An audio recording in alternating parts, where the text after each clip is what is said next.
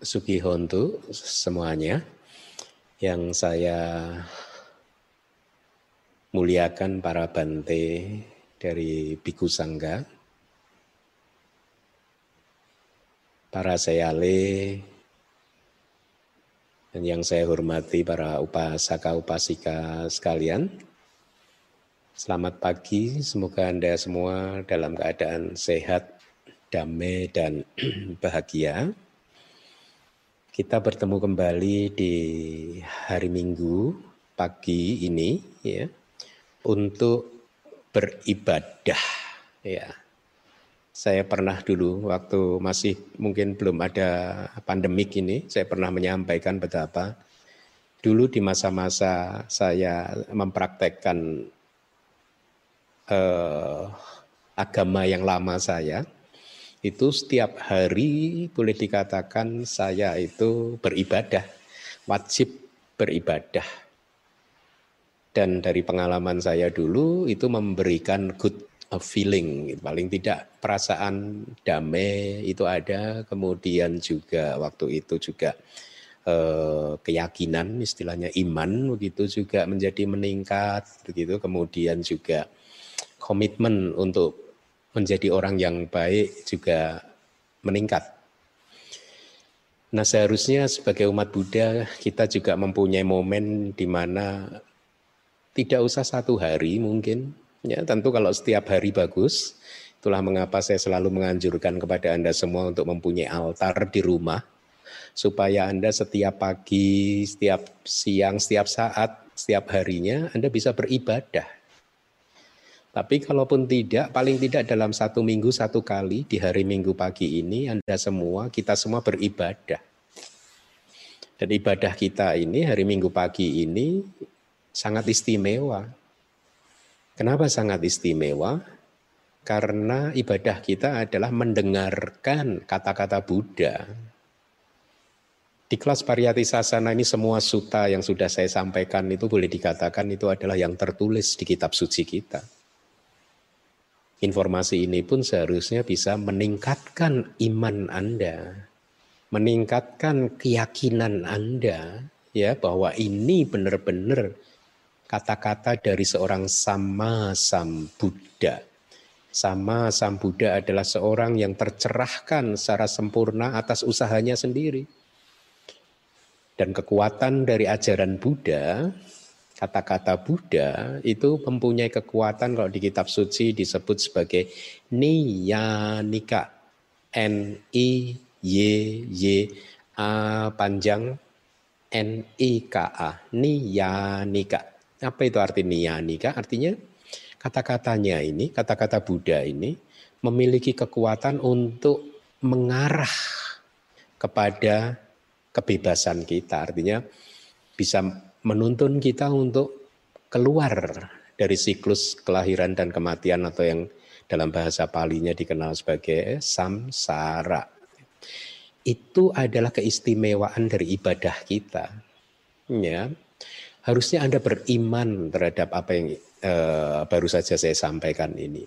Mempunyai keyakinan terhadap apa yang disampaikan karena Nia nikah ini benar-benar muncul di kitab suci dan itu memberi apa menjelaskan tentang kualitas dari kata-kata Buddha.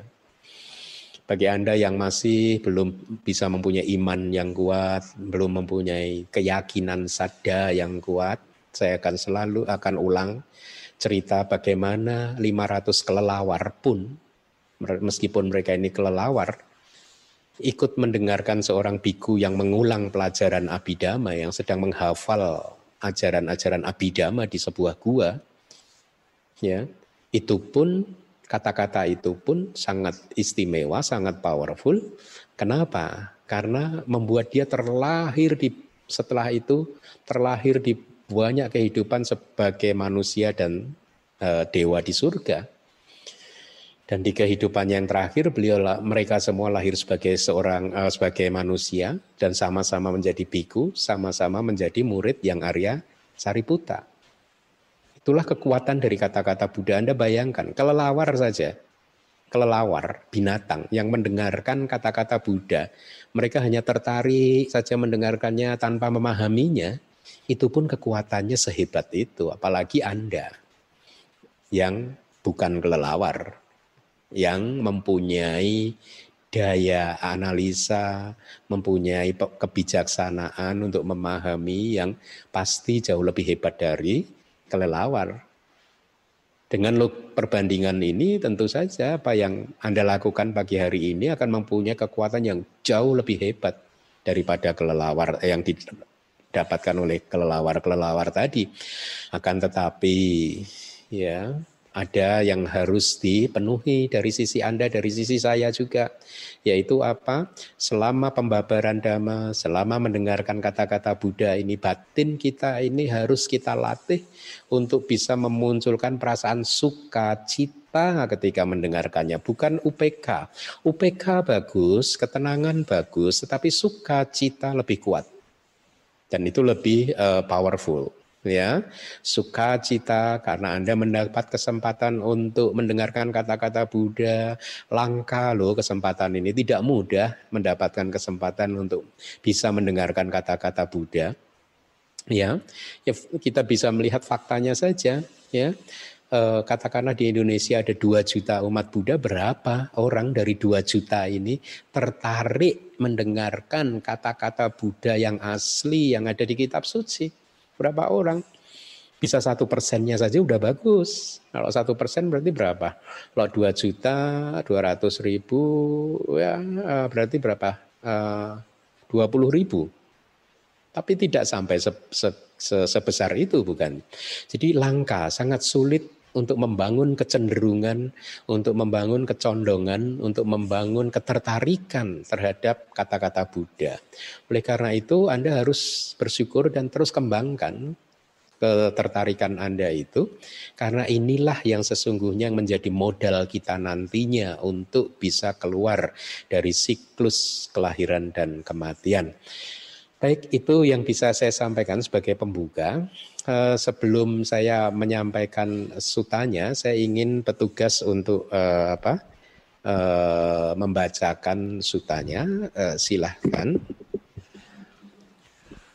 Khotbah tentang keserakahan. Ini benar-benar telah dikatakan oleh begawan, dikatakan oleh seorang arahanta, berikut didengar oleh saya, Wahai para biku, kalian harus melenyapkan satu dhamma. Aku adalah jaminan untuk status anagami kalian. Satu dhamma yang manakah? Wahai para biku, kalian harus melenyapkan satu dhamma, yaitu keserakahan. Aku adalah jaminan untuk status anagami kalian. Begawan mengatakan pesan itu. Sehubungan dengan hal tersebut, ini dikatakan demikian. Setelah memahami dengan baik keserakahan yang oleh karenanya makhluk yang serakah pergi ke tempat tujuan kelahiran yang buruk, mereka yang memiliki pandangan terang melenyapkannya. Setelah melenyapkannya, mereka tidak datang lagi ke dunia ini kapan pun. Pesan ini pun dikatakan oleh begawan, telah didengar oleh saya demikian, suta yang pertama. Baik, uh, terima kasih Pak Teguh. Itu tadi sutanya memang uh, di suta ini, iti utaka ini rata-rata sutanya pendek. Tetapi uh, beberapa waktu yang lalu saya membuka apa kitab komentarnya ya dan kemudian saya menemukan uh, merasakan bahwa uh, ini kitab komentarnya bagus ya dan itulah mengapa kemudian saya uh, apa memutuskan untuk menyampaikannya kepada Anda. Baik, saya mau uh, minta slide pertama ditampilkan ya. Jadi ada kata wahai para biku, kalian harus meninggalkan satu dhamma. Kita sering mendengar kata dhamma, ya. uh, mungkin tidak banyak yang mengetahui bahwa terminologi dhamma, istilah dhamma itu bisa mempunyai banyak makna, bermacam-macam makna. Bahkan boleh dikatakan segala sesuatu itu bisa kita pakai atau kita terminologikan dengan kata dhamma apa pun itu gitu. Ya. Tapi di kitab komentar dari Loba Suta ini uh, ada kata acarya, ada kata acarya itu adalah para guru kata, para guru komentar atau komentator, komentator gitu ya. Tapi beliau guru gitu, para bante gitu, ya, para guru kata atau para guru komentar, guru kitab komentar begitu biasa saya menyebutnya. Uh, memberikan informasi kepada kita bahwa eh, kata dhamma ini kadang bisa berarti pariyati. Ya, pariyati itu adalah kitab suci, Tipitaka itu pariyati. Tapi sekali lagi ya mempelajari Tipitaka tanpa bantuan ada kata dan tika itu hampir mustahil. Ya tanpa dibantu oleh komentar itu mustahil untuk bisa memahami uh, kitab suci atau Tripitaka ya. Hmm, saya beri contoh aja untuk Anda renungkan, nanti saya tidak akan membahasnya, tapi ini bahan perenungan Anda. Bagaimana Anda memahami kitab suci kalau Anda tidak suka kitab komentar, saya akan beri contoh. Anda sering mendengarkan uh, kalimat sabak papa saakara nangkusala supa sampada sacita pariyoda panang etam budana sasanang yang sering diterjemahkan dengan bahasa sehari-hari, terjemahan yang longgar sebagai uh, tidak melakukan perbuatan yang jahat dan terus menerus menumbuh kembangkan perbuatan yang baik gitu.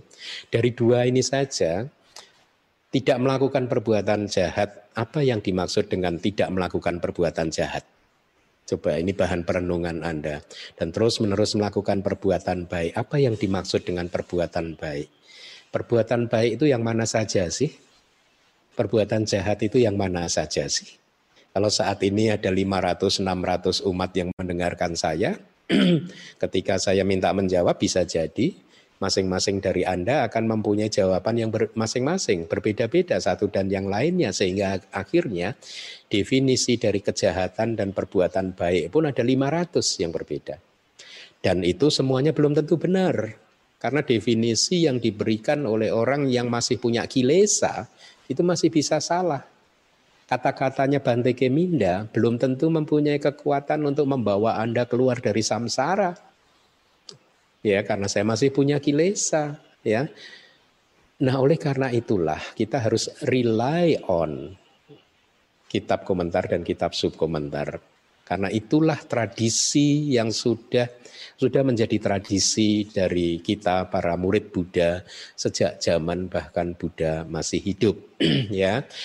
Nah, jadi kembali lagi terhadap kata dhamma. Kata dhamma bisa berarti banyak hal ya. Salah satunya adalah pariyati kitab suci. Kayak sekarang ini pariyati sasana. Sasana itu adalah dispensation gitu atau ajaran gitu. Artinya ajaran yang ada di Tripitaka. Itu kelas pariyati sasana itu artinya itu. Jadi anda hanya benar-benar mendengarkan ajaran yang ada di dalam Tripitaka bukan yang di luar Tripitaka gitu Kata dhamma juga bisa berarti eh, saja. Saja itu kebenaran mulia, ya, kebenaran mulia. Ya, kita mengenal empat kebenaran mulia. Jadi kebenaran mulia pun kadang juga di dalam teks juga hanya disebut sebagai dhamma saja gitu. Kemudian juga bisa berarti samadhi, konsentrasi, panya ya atau sebawa sebawa itu sifat alamiah karakteristik alamiah laksana alamiah sebawa. Masing-masing cita, cetasika, rupa dan nibana itu mempunyai karakteristik alamiahnya sendiri. Ya. Kemudian apa pun, jadi apa pun yang bisa kita kenali dengan indria-indria kita, apa pun yang bisa diketahui dengan indria-indria kita, itu pun juga bisa disebut sebagai dhamma gitu ya. Atau juga bisa eh, kadang-kadang sunyata. Sunyata itu kekosongan. Kekosongan pun kadang juga disebut sebagai dhamma begitu. Nah, Beberapa contoh saya berikan ini bagus untuk uh, pengetahuan Anda gitu ya. Saya uh, akan baca apa? Ini kan bahasa palinya gitu. Ida bhikkhu damang pariyapunati di adisu dan seterusnya. Artinya di sini wahai para biku damang pariyapunati Paria punati itu adalah menguasai sepenuhnya. Berarti seorang biku menguasai sepenuhnya dhamma gitu. Ya.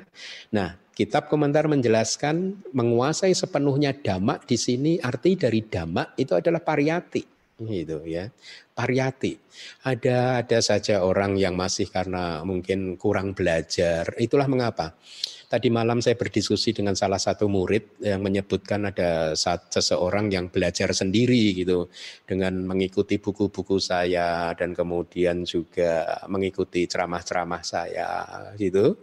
Uh, saya sampaikan walaupun itu bagus tetapi tetap saja lebih bagus itu kalau ada guru gitu ya karena dengan adanya guru, guru Anda mempunyai kesempatan untuk mengeksplor lebih jauh lagi, lebih dalam lagi dengan mengajukan pertanyaan kepada guru. Kalau Anda sendirian baca buku-buku saya meskipun sudah cukup lengkap mendengarkan YouTube itu bagus ya, tetapi Anda tidak mempunyai peluang untuk bertanya. Itu yang uh, sisi kelemahannya gitu sehingga kalau kurang bertanya juga akhirnya akhirnya bisa menyimpulkan sendiri gitu ya Misalkan ketika apa uh, uh, ada kata-kata kata-kata Buddha, misalkan seperti ini saja, saja tadi, seorang biku damang pariyapunati, seorang biku menguasai sepenuhnya dhamma gitu.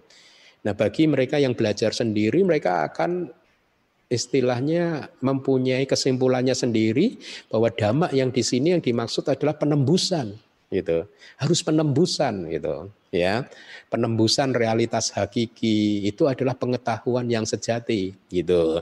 Nah, akhirnya nanti mungkin orang-orang yang pengetahuannya terbatas ini jadi akan berdebat itu kalau ada seseorang yang mendefinisikan enggak dhamma di sini adalah pariyati ini adalah ilmu kitab suci ya dia berdebat enggak yang dimaksud Buddha itu adalah penembusan Ya begitulah perdebatan-perdebatan itu terjadi karena salah satu pihak kurang terdidik, kurang pengetahuan, atau juga kedua belah pihaknya sama-sama kurang terdidik, kurang pengetahuan. Nah, intinya itu sia-sia, buang-buang waktu saja gitu ya. Jadi kita belajar dhamma bukan untuk berdebat tetapi benar-benar seperti yang di awal tadi saya katakan saat ini kita semua beribadah mengembangkan pandangan benar, pikiran benar, kebijaksanaan untuk memahaminya gitu. Nah, jadi dhamma bisa berarti pariyati. Seorang biku pariya punati menguasai sepenuhnya pariyati ya. Uh, kitab suci Nah, jadi penguasaan kitab suci itu juga penting. Jadi sering kali dikontradiksikan kalau orang yang belajar berarti tidak meditasi gitu. Gitu. Jadi lebih baik meditasi itu pun juga pendapat-pendapat yang keliru karena orang yang belajar juga banyak yang bermeditasi, ya murid-murid saya itu setelah belajar saya dorong saya izinkan untuk bermeditasi dengan tekun dan itu memang seharusnya begitu. Pariyati dulu sebagai fondasi kemudian patik-patiknya latihan meditasinya setelah fondasinya itu ada ya. Nah ada kata Pali lagi yang memakai kata dhamma yaitu tidak damo. Tidak damo itu adalah seorang yang sudah melihat dhamma gitu ya. Seorang yang telah melihat dhamma, tidak damo ya. Seseorang yang sudah melihat dhamma. Dhamma di sini artinya apa? Dhamma di sini artinya empat kebenaran mulia. Ya, jadi seseorang yang telah melihat empat kebenaran mulia. Jadi dhamma mempunyai arti yang berbeda lagi. Makanya kita harus bisa membaca kitab komentar. Kalau tidak maka penjelasannya akan keliru gitu dan akhirnya kita hanya buang-buang waktu saja dua jam mendengarkan penjelasan yang keliru yang tidak mempunyai kekuatan untuk membawa kita ke, ke kebebasan kita, tidak mempunyai kekuatan untuk membawa kita keluar dari samsara atau siklus kelahiran dan kematian gitu. Ada lagi kata-kata ewang damate bagawanto ahezung gitu. Ada kata damaknya lagi. Artinya bagawanto itu para begawan, para Buddha ya T Bagawanto, para Buddha tersebut, para begawan tersebut ya, ahesung adalah gitu, memiliki dhamma, ewang dhamma, memiliki dhamma yang demikian gitu. Jadi para Buddha memiliki dhamma yang demikian. Nah, ini kita memakai kata dhamma lagi. Dhamma di sini artinya apa? Kitab komentar menjelaskan lagi. Tanpa kemampuan membaca kitab komentar, maka guru tidak akan bisa menjelaskan dengan sempurna juga. Oleh karena itulah sebenarnya salah satu kualifikasi seorang guru dhamma itu harus mampu membaca kitab komentar. Itu. Nah, ewang dhamma di sini, dhamma yang demikian ini disebut sebagai samadhi jana, konsentrasi. Jadi, ewang te bagawanto ahisung. Para Buddha tersebut adalah ya orang yang memiliki dhamma. Itu artinya yang memiliki jana, memiliki samadhi, memiliki konsentrasi. Gitu. Kata samadhi itu sering diterjemahkan juga secara lepas menjadi konsentrasi yang biasa. Tetapi sebenarnya di dalam kitab suci samadhi itu refer kedua saja dua pencapaian yaitu uh, upacara samadhi dan apana samadhi yaitu konsentrasi yang dekat dengan jana dan apna samadhi konsentrasi absorpsi atau konsentrasi jana begitu ya. Nah, kata yang lain dari dhamma, siapa pun yang memiliki kebenaran, ya, dhamma, memiliki keteguhan dan kemurahan hati, setelah meninggal dunia dia tidak akan bersedih. Nah, kata dhamma di sini kita penguntar menjelaskannya sebagai panya. Panya itu adalah eh, kebijaksanaan gitu.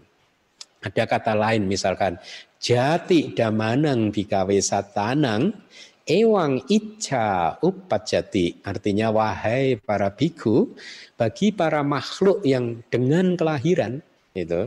Artinya eh, eh, para makhluk yang sudah lahir yang memiliki kelahiran gitu harapan yang demikian muncul gitu.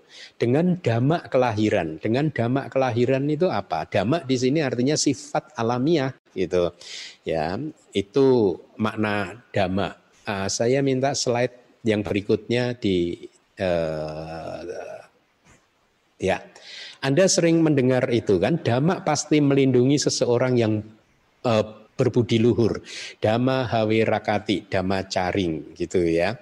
Dhamma uh, selalu melindungi seseorang yang Uh, sering kali di Indonesia dhamma caring disebut diinikan sebagai seseorang yang mempraktekkan dhamma gitu ya gitu. Seseorang yang mempraktekkan dhamma. Jadi dhamma melindungi mereka yang mempraktekkan dhamma. Itu terjemahan longgarnya itu begitu itu terjemahan sehari harinya tapi saya menerjemahkannya seperti yang di layar itu. Dhamma itu pasti melindungi seseorang yang berbudi luhur gitu ya. Nah kata dhamma itu apa di situ? Ya mempraktekkan dhamma itu yang seperti apa gitu ya. Anda sering kan uh, sehari-hari Anda mendengar itu kan uh, sering sekali ini sangat terkenal kata-kata tersebut gitu dan saya juga yakin kata dhamma di kalimat tersebut tidak pernah dijelaskan dengan akurat gitu ya atau salah maknanya. Lalu apa maknanya Bante kata dhamma di situ? Di sini dhamma caring ya meski eh, bisa juga diterjemahkan sebagai seseorang yang hidup dengan penuh kebajikan. Ya, jadi seseorang yang mempraktekkan dhamma yang terjemahan Indonesianya itu artinya seseorang yang hidup dengan penuh kebajikan. Ya, dhamma dhamma akan melindungi orang yang seperti itu ya. Lalu dhamma yang mana gitu kan gitu kan. Mungkin selama ini Anda mendengarnya ajaran Buddha. Tidak ya, tidak yang dimaksud dhamma yang melindungi itu adalah punya. Punya itu adalah kebajikan. Jadi kebajikan Anda akan melindungi Anda sebagai seorang caring, sebagai seseorang yang hidup dengan penuh kebajikan, atau sebagai uh, seseorang yang berbudi luhur tadi. Jadi yang akan melindungi Anda bukan ajaran Buddha. Kalau ajaran Buddha melindungi Anda, Anda saya sarankan ke mana-mana membawa kitab suci. Tapi ini tidak. Yang melindungi Anda adalah kebajikan-kebajikan Anda. Itu arti dari damak di dalam kalimat yang sangat terkenal. Nah, jadi kalau Anda ingin dilindungi oleh damak, maka apa yang harus Anda lakukan? Lakukan terus kebajikan ya. Jadi sekarang Anda paham kan ya bahwa kewajiban kita sebagai manusia itu adalah terus-menerus melakukan kebajikan. Dan itu juga yang saya suka pada masa-masa awal saya mengenal Buddhisme eh, tahun akhir tahun 90 ya, 90 eh, akhir ya itu. Itu salah satu ajaran yang saya sangat suka itu adalah Begini kira-kira, ketika hidup sedang baik, lalu apa yang harus kita lakukan? Ketika hidup sedang baik, yang harus kita lakukan adalah berbuat baik. Lalu kalau hidup sedang tidak baik, apa yang harus kita lakukan? Kalau hidup sedang tidak baik, yang harus kita lakukan adalah berbuat baik. Jadi apa pun keadaannya kita harus berbuat baik. Nah, kalau Anda terus melakukan kebajikan seperti itu, maka itulah eh, eh, makna dari kalimat tadi bahwa dhamma akan melindungi mereka yang berbudi luhur gitu ya. Kebajikan, dhamma di sini artinya kebajikan. Saya ulangi. Nah, eh, saya jadi teringat beberapa waktu yang lalu ada umat yang menghubungi saya. Saya eh, sepertinya belum pernah saya sampaikan ini ya. Jadi ya di masa-masa pandemi ini, pandemik ini ada umat yang menghubungi ke saya, menghubungi saya. Kemudian setelah bicara panjang lebar, saya menanyakan bagaimana bisnis gitu. Uh, dia bilang Bante, malah musim pandemik ini bisnis saya sedang bagus-bagusnya. Lo aneh kan? Ya kan? Pada saat di musim pandemik ini rata-rata semua orang itu bisnisnya itu mengalami pelambatan gitu.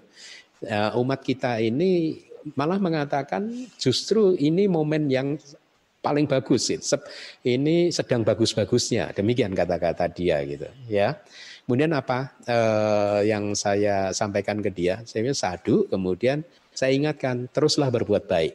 Itu jangan berhenti berbuat baik gitu ya. Karena ya bisnis sukses itu adalah buah. Buah, terus benihnya apa? Benihnya adalah perbuatan baik. Benihnya adalah kebajikan gitu ya. Jadi itu pesan uh, saya kepada yang bersangkutan ya. Karena kadang orang itu kan berpikir ya, kalau uh, bisnis ingin sukses maka kita harus kerja keras ya. Kalau itu benar, maka semua orang yang bekerja keras pasti akan menjadi orang yang sukses. Tapi toh kenyataannya tidak begitu kan? Semua orang bekerja keras, saya rasa bisnismen bisnismen itu semuanya bekerja keras, tetapi tidak semuanya sukses, bukan? Ya, uh, ya bahkan ada seseorang yang sejak lahir tidak pernah kerja keras, tapi sukses juga. Ya, kenapa hal ini terjadi? Ya hal ini terjadi karena kesuksesan itu adalah buah. Benih dari kesuksesan tersebut adalah perbuatan baik, kebajikan gitu ya. Ada yang lagi uh, yang orang yang secara mungkin just to make a joke begitu untuk bercanda uh, memplesetkan peribahasa hemat pangkal kaya.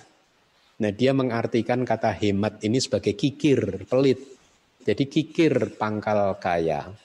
Sebenarnya kalau yang dimaksud dengan hemat pangkal hemat kata hemat itu adalah berkaitan dengan kebutuhan diri kita sendiri kita harus hemat. Ya. Tetapi kalau berkaitan dengan berdana, perbuatan baik ya kita tidak memakai kata hemat. Ya, kalau Anda baca cerita-cerita Jataka bagaimana bodhisatwa kita itu menyempurnakan dana paraminya, Anda akan terkagum-kagum bahwa beliau bisa memberikan semua yang beliau punya gitu ya. Nah jadi ada orang yang memplesetkannya menjadi kikir pangkal kaya ya. Nggak akan terjadi ya karena kaya itu adalah buah dan buah ini berasal dari satu benih yang bukan kekikiran benihnya. Kenapa? Karena kikir itu aku salah. Kikir itu aku salah. Kikir itu adalah uh, uh, faktor mental yang tidak baik atau boleh dikatakan dalam bahasa sehari-hari ini adalah karma buruk pikir itu gitu ya. Jadi tidak bisa perbuatan buruk menghasilkan buah yang baik itu tidak bisa. Jadi kikir pangkal kaya itu totally wrong, salah total gitu ya. Karena aku salah perbuatan yang tidak baik tidak akan pernah bisa menghasilkan buah yang baik itu ya. Kenapa? Karena kikir itu adalah loba seperti yang akan kita pelajari pagi hari ini ya.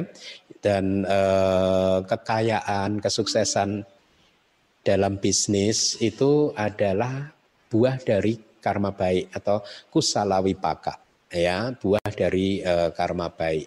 Jadi bukan kikir pangkal kaya yang menjadi apa ya harusnya terjemahannya adalah Kemurahan hati pangkal kaya. Kalau Anda murah hati, maka ini adalah benih untuk menjadi uh, orang yang sukses, orang yang kaya. Maka Dengan kata lain, kalau Anda ingin kaya, Anda ingin sukses, jangan jadi orang yang serakah.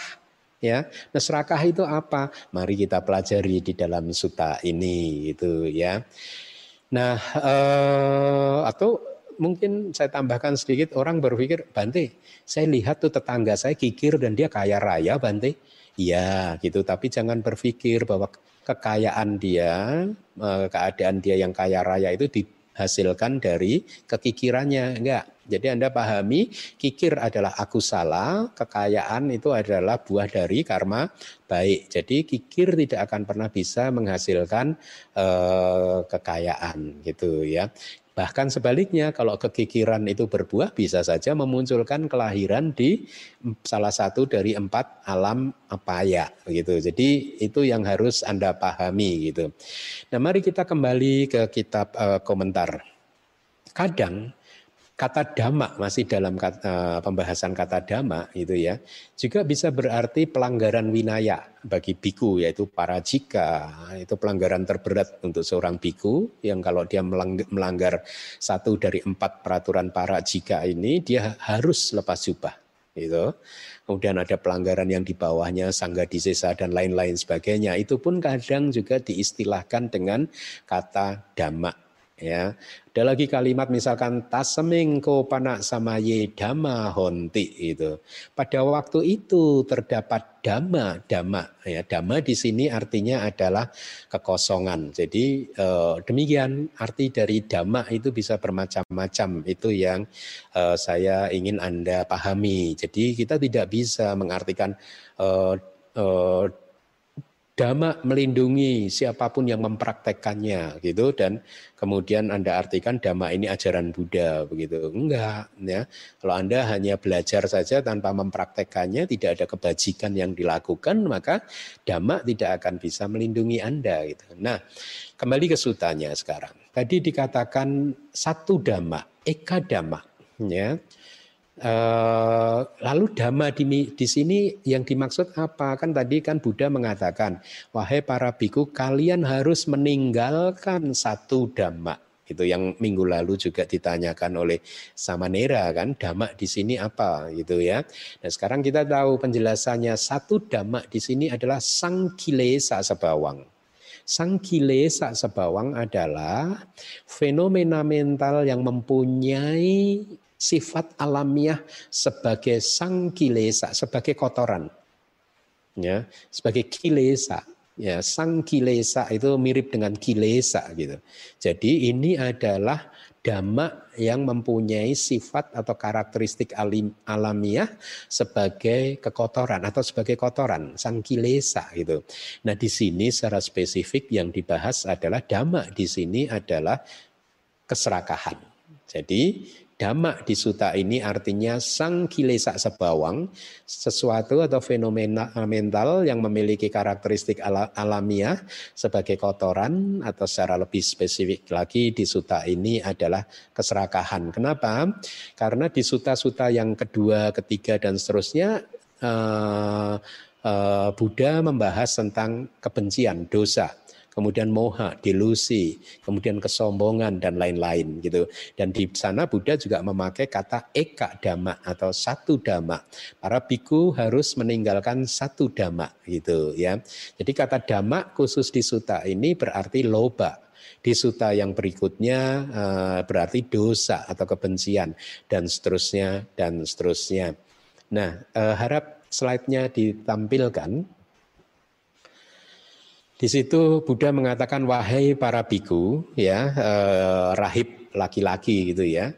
Jadi artinya di sini Buddha sedang menyapa para biku. Kemudian slide berikutnya Jadi di slide berikutnya kan tetapi apa tujuan begawan ketika membabarkan dhamma menyapa para biku? Kenapa beliau tidak membabarkan dhamma langsung saja? Begitu maksudnya kira-kira. Ya, jawaban dari kitab komentar adalah sati jananata. Sati jananata itu artinya adalah untuk tujuan membangkitkan perhatian penuh. Sati jananata untuk tujuan membangkitkan mindfulness ya perhatian penuh dari para biku gitu ya. Jadi dibangkitkan eh, perhatian penuhnya sati itu adalah satu dari 52 faktor mental yang kita harusnya bisa memunculkannya setiap saat di dalam kehidupan kita gitu.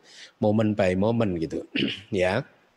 Jadi ketika Buddha memanggil wahai para biku, Buddha mempunyai tujuan supaya dengan panggilan ini para biku perhatian penuhnya muncul, berkembang, tumbuh gitu. Karena ketika perhatian penuh ini berkembang, dia akan memperhatikan dengan penuh perhatian sehingga dia tidak akan melupakan ajaran apa yang akan disampaikan oleh Buddha. Nah, sama seperti Anda kalau Anda tidak ingin ya apa yang Anda dengar, Anda baca itu uh, cepat menguap atau lupa begitu saja, maka Anda harus membaca, mendengarkan dengan mengaktifkan sati Anda, perhatian penuh Anda, mindfulness Anda. Karena sati ini adalah salah satu dari 52 faktor mental yang bertanggung jawab terhadap kekuatan memori. Itu ya. Yang Arya Ananda itu disebut sebagai sati mantang. Seseorang yang memiliki sati yang kuat, balawak sati, satinya kuat. Ya, Eh, dan istimewa. Makanya beliau bisa mengingat semua ajaran Buddha begitu. Jadi itu tujuannya disebut atau dipanggil dengan uh, demikian karena Buddha sedang ingin membangkitkan sati atau perhatian penuh dari para Buddha uh, para muridnya supaya mereka bisa mendengarkan dengan penuh perhatian dan tidak melupakan apa yang sudah didengarkan gitu.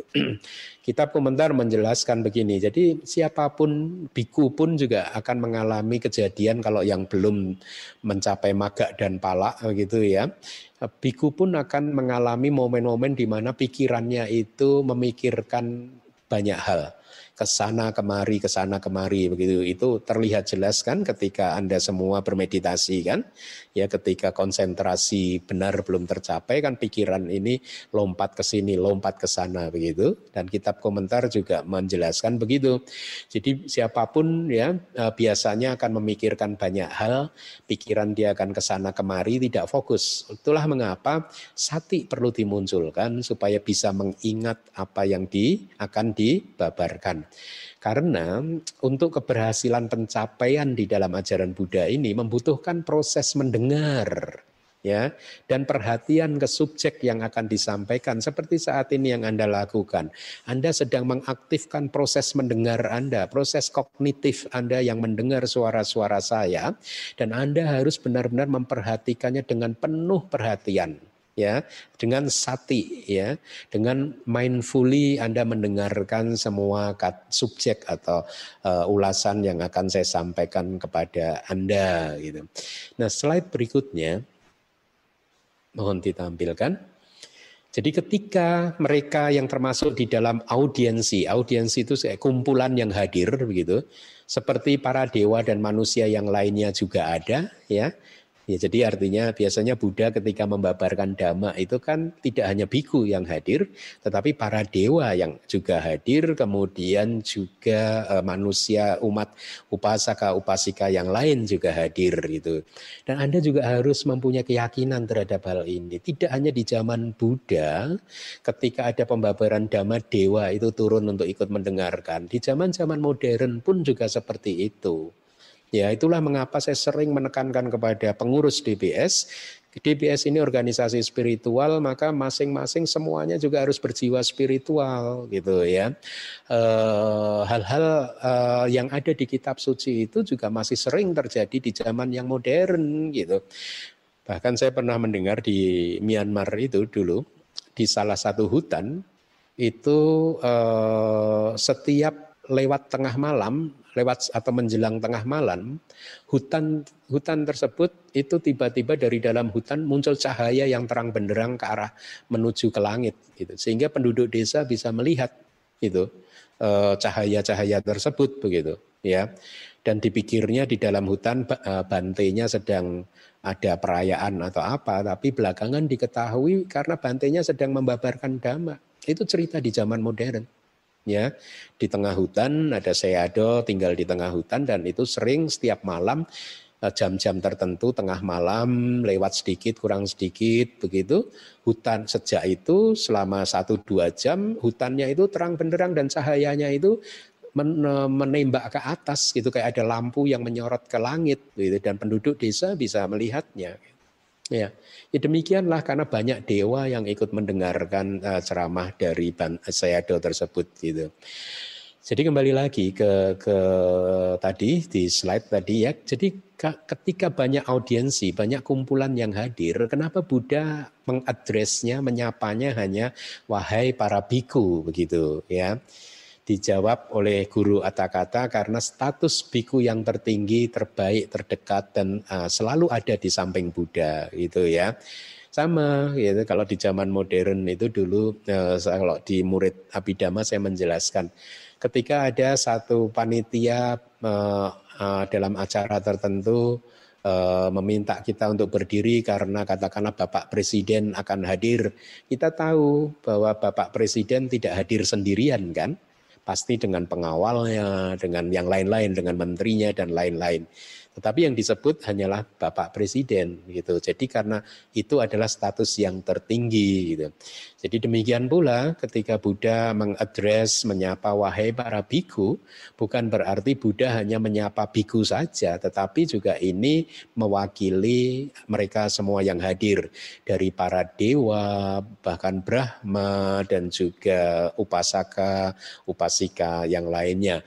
Dan karena dari antara mereka ini yang tertinggi statusnya adalah biku, maka Buddha menyampaikan hanya wahai para biku.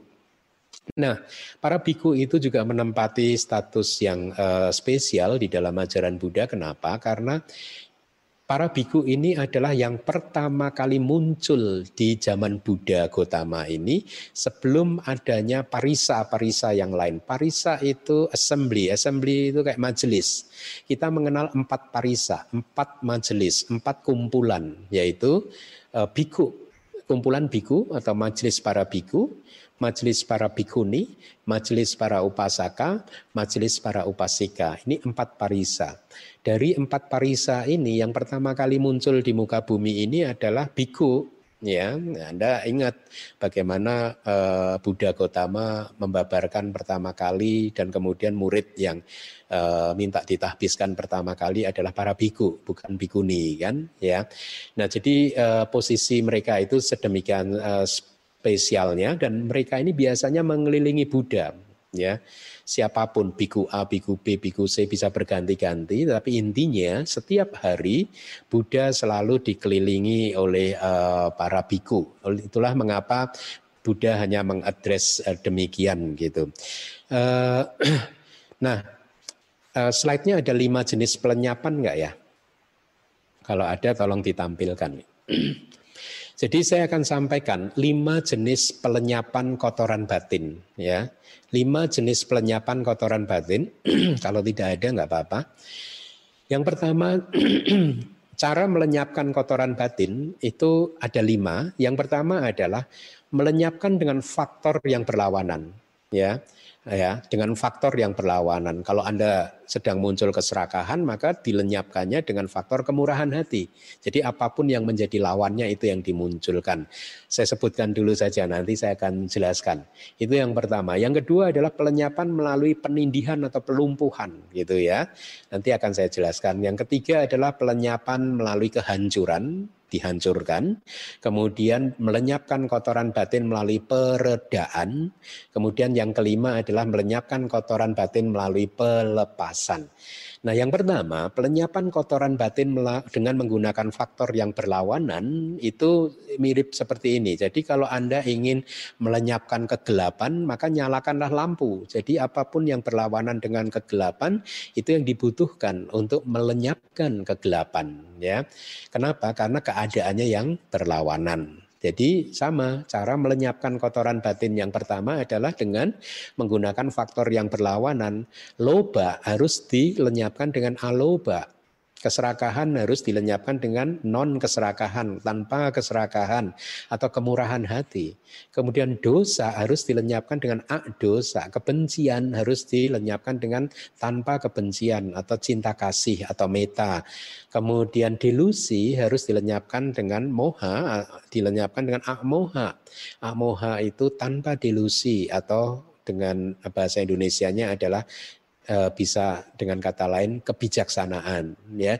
Jadi kita bisa menggunakan cara yang pertama ketika ingin melenyapkan kotoran batin atau faktor mental yang aku salah yang tidak baik yang sedang muncul di hati kita yaitu dengan menggunakan faktor yang berlawanan seperti itu ya. Nah, eh, jadi kitab komentar memberikan begini. Noda keserakahan karena kita sedang membahas keserakahan ini ya dilenyapkan melalui paricaga. Paricaga itu donasi, dana, kemurahan hati gitu ya.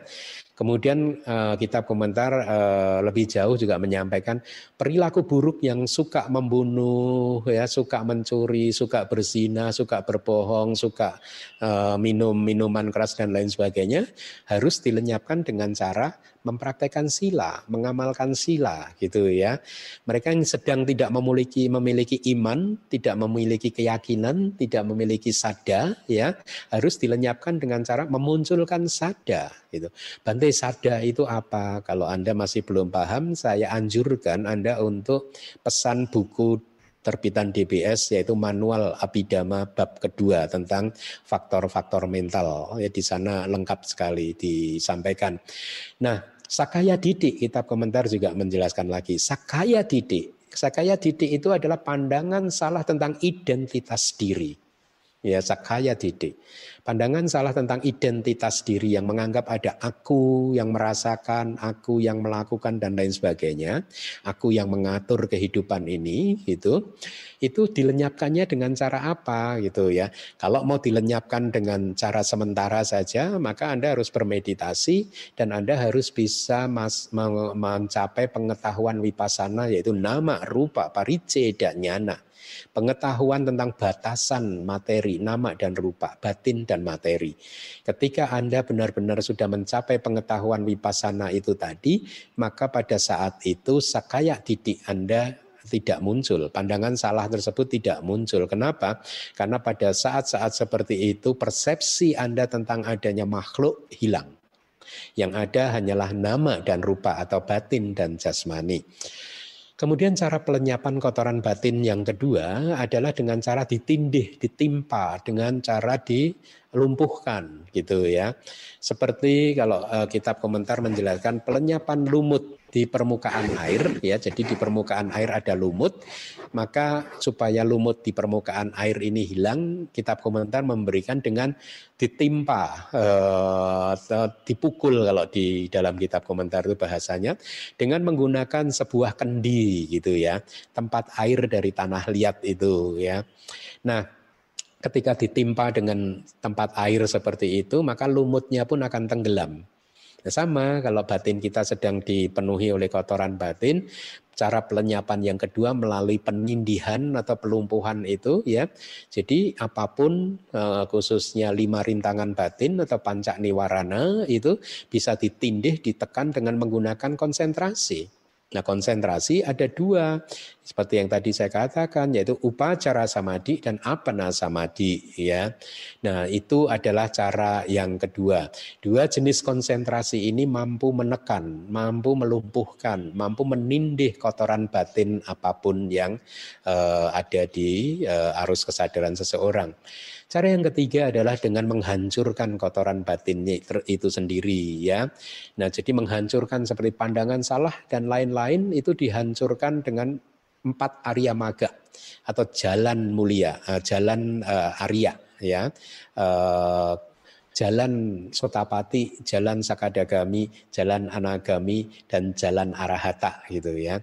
Nah, pandangan salah dan juga kilesa-kilesa yang lain yang telah dihancurkan sesuai dengan tingkatan kekuatan jalannya, apakah itu jalan sotapati, sakadagami dan seterusnya, apa pun kilesa yang sudah dihancurkan dia tidak akan pernah bisa muncul lagi. Ya, jadi ini konteksnya kita ingin mengetahui bagaimana cara menghancurkan loba, keserakahan gitu ya.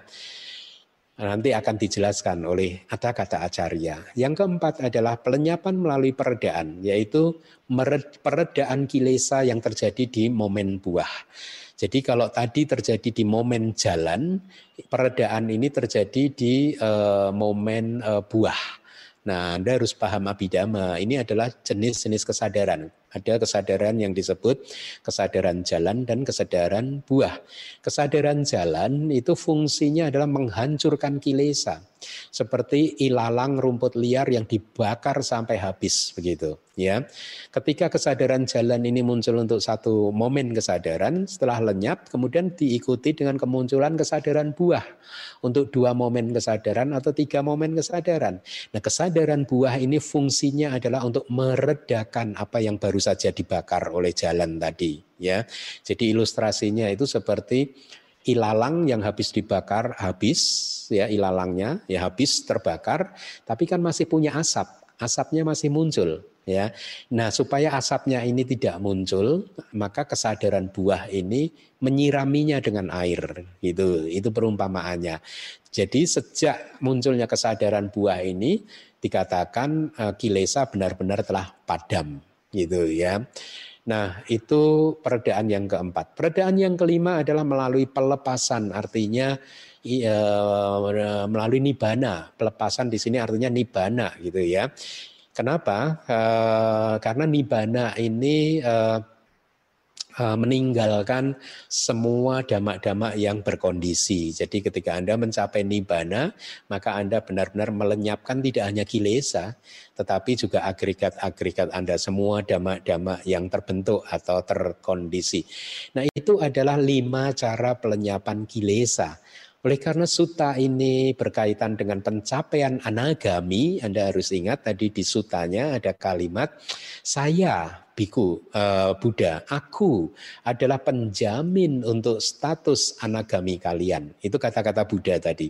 Jadi Buddha memberikan garansi, menjadikan dirinya sebagai penjamin untuk pencapaian status anagami para biku yang berhasil meninggalkan loba meninggalkan keserakahan. Nanti akan dijelaskan secara lebih detail di dalam uh, kitab komentar ya. Jadi di dalam kalimat biku uh, wahai pak kalimat di dalam suta wahai para biku kalian harus melenyapkan satu dhamma itu merujuk pada pelenyapan keserakahan melalui kehancuran. Jadi pelenyapan yang ketiga ya yaitu melalui kemunculan kesadaran jalan. Artinya kelenyapan yang terjadi ketika wipasana Anda sudah mencapai puncaknya dan akhirnya kesadaran jalan uh, muncul yaitu anagami maga uh, jalan anagami.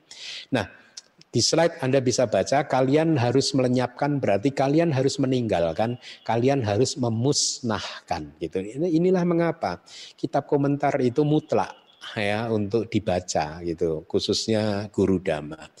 Next slide. Buddha mengatakan, aku adalah jaminan untuk status anagami kalian. Itu kata-kata Buddha. Jaminan di sini kitab komentar menjelaskan artinya penjamin ya jadi mirip ya aku adalah jaminan artinya Buddha adalah penjamin gitu kata-kata menjelaskan dengan sangat menarik gitu ya kata-kata menggunakan istilah begini, danika, danika dan dharanaka. Danika itu adalah kreditur. Kreditur, dharanaka itu adalah debitur gitu. Jadi ya, ini adalah jaminan dari debitur untuk kreditur gitu. Itu itu kitab komentar loh ya, yang berfungsi untuk kepastian saja sebagai jaminan uh, bagi kreditur dari debiturnya gitu. Danika, dharanaka gitu bahasa palinya. Nah, penjelasan untuk kalimat Buddha, aku adalah jaminan untuk status anagami. untuk status anagami di sini berarti uh, untuk tujuan pencapaian status anagami ya melalui pencapaian jalan anagami dan buah anagami. Nah, ini Anda harus benar-benar paham abidama gitu. Kalau Anda nggak paham, Anda saya sarankan membaca buku manual abidama bab 1 tentang kesadaran. Di sana saya menjelaskan dengan sangat lengkap. Di sini saya kita tidak punya cukup waktu untuk membahas itu gitu ya.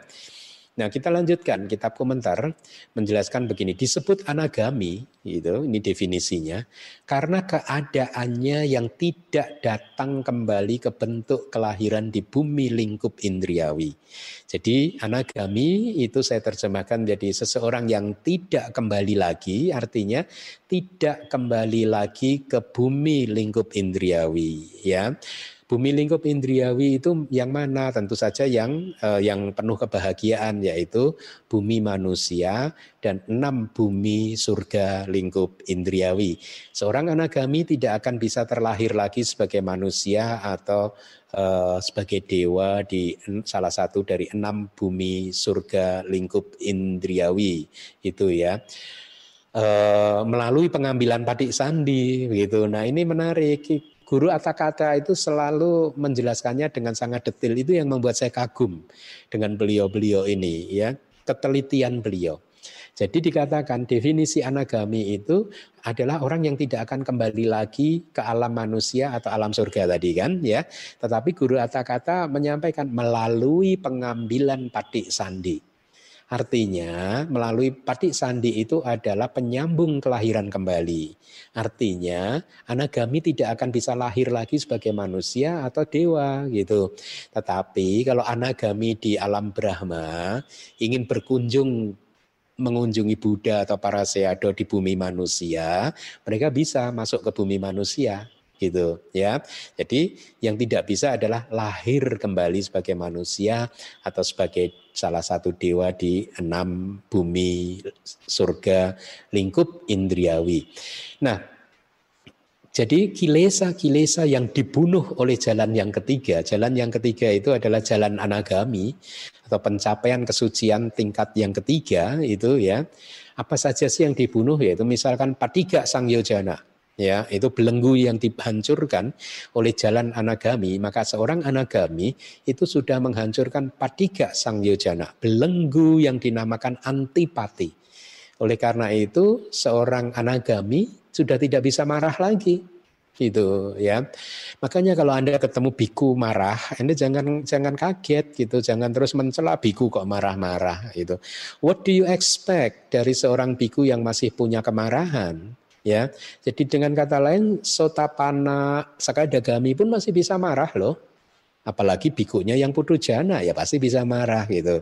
Karena dulu di Singapura itu ada umat yang membicarakan seorang biku yang katanya bikunya ini pemarah itu hari-hari setiap hari marah terus gitu. Ini saya sampaikan ya namanya uh, putu jana, sotapana, sekadagami ya masih bisa marah.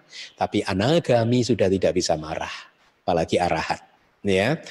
Nah, apalagi yang dihancurkan oleh jalan anagami selain antipati ya di kemarahan tadi. Yang lain adalah kamak raga. Kamak raga itu adalah nafsu-nafsu indriawi, ya. Jadi seorang anagami sudah tidak bisa memunculkan nafsu-nafsu yang berlandaskan pada indria-indria ini. Itulah mengapa seorang anagami, meskipun dia adalah upasaka atau upasika, dia sudah tidak bisa lagi menikmati kehidupan rumah tangga. Nah ini yang ada yang salah mengartikan kata-kata saya ya. Diartikannya begini, kalau seorang upasaka atau upasika mencapai tingkat kesucian anagami, maka dia harus segera memakai jubah. Gitu. Karena kalau tidak memakai jubah, hari itu juga dia pasti akan meninggal dunia. Dia keliru, umat ini keliru menafsirkan kata-kata saya. Yang saya maksud adalah anagami bisa dicapai ketika Anda menjadi upasaka atau upasika.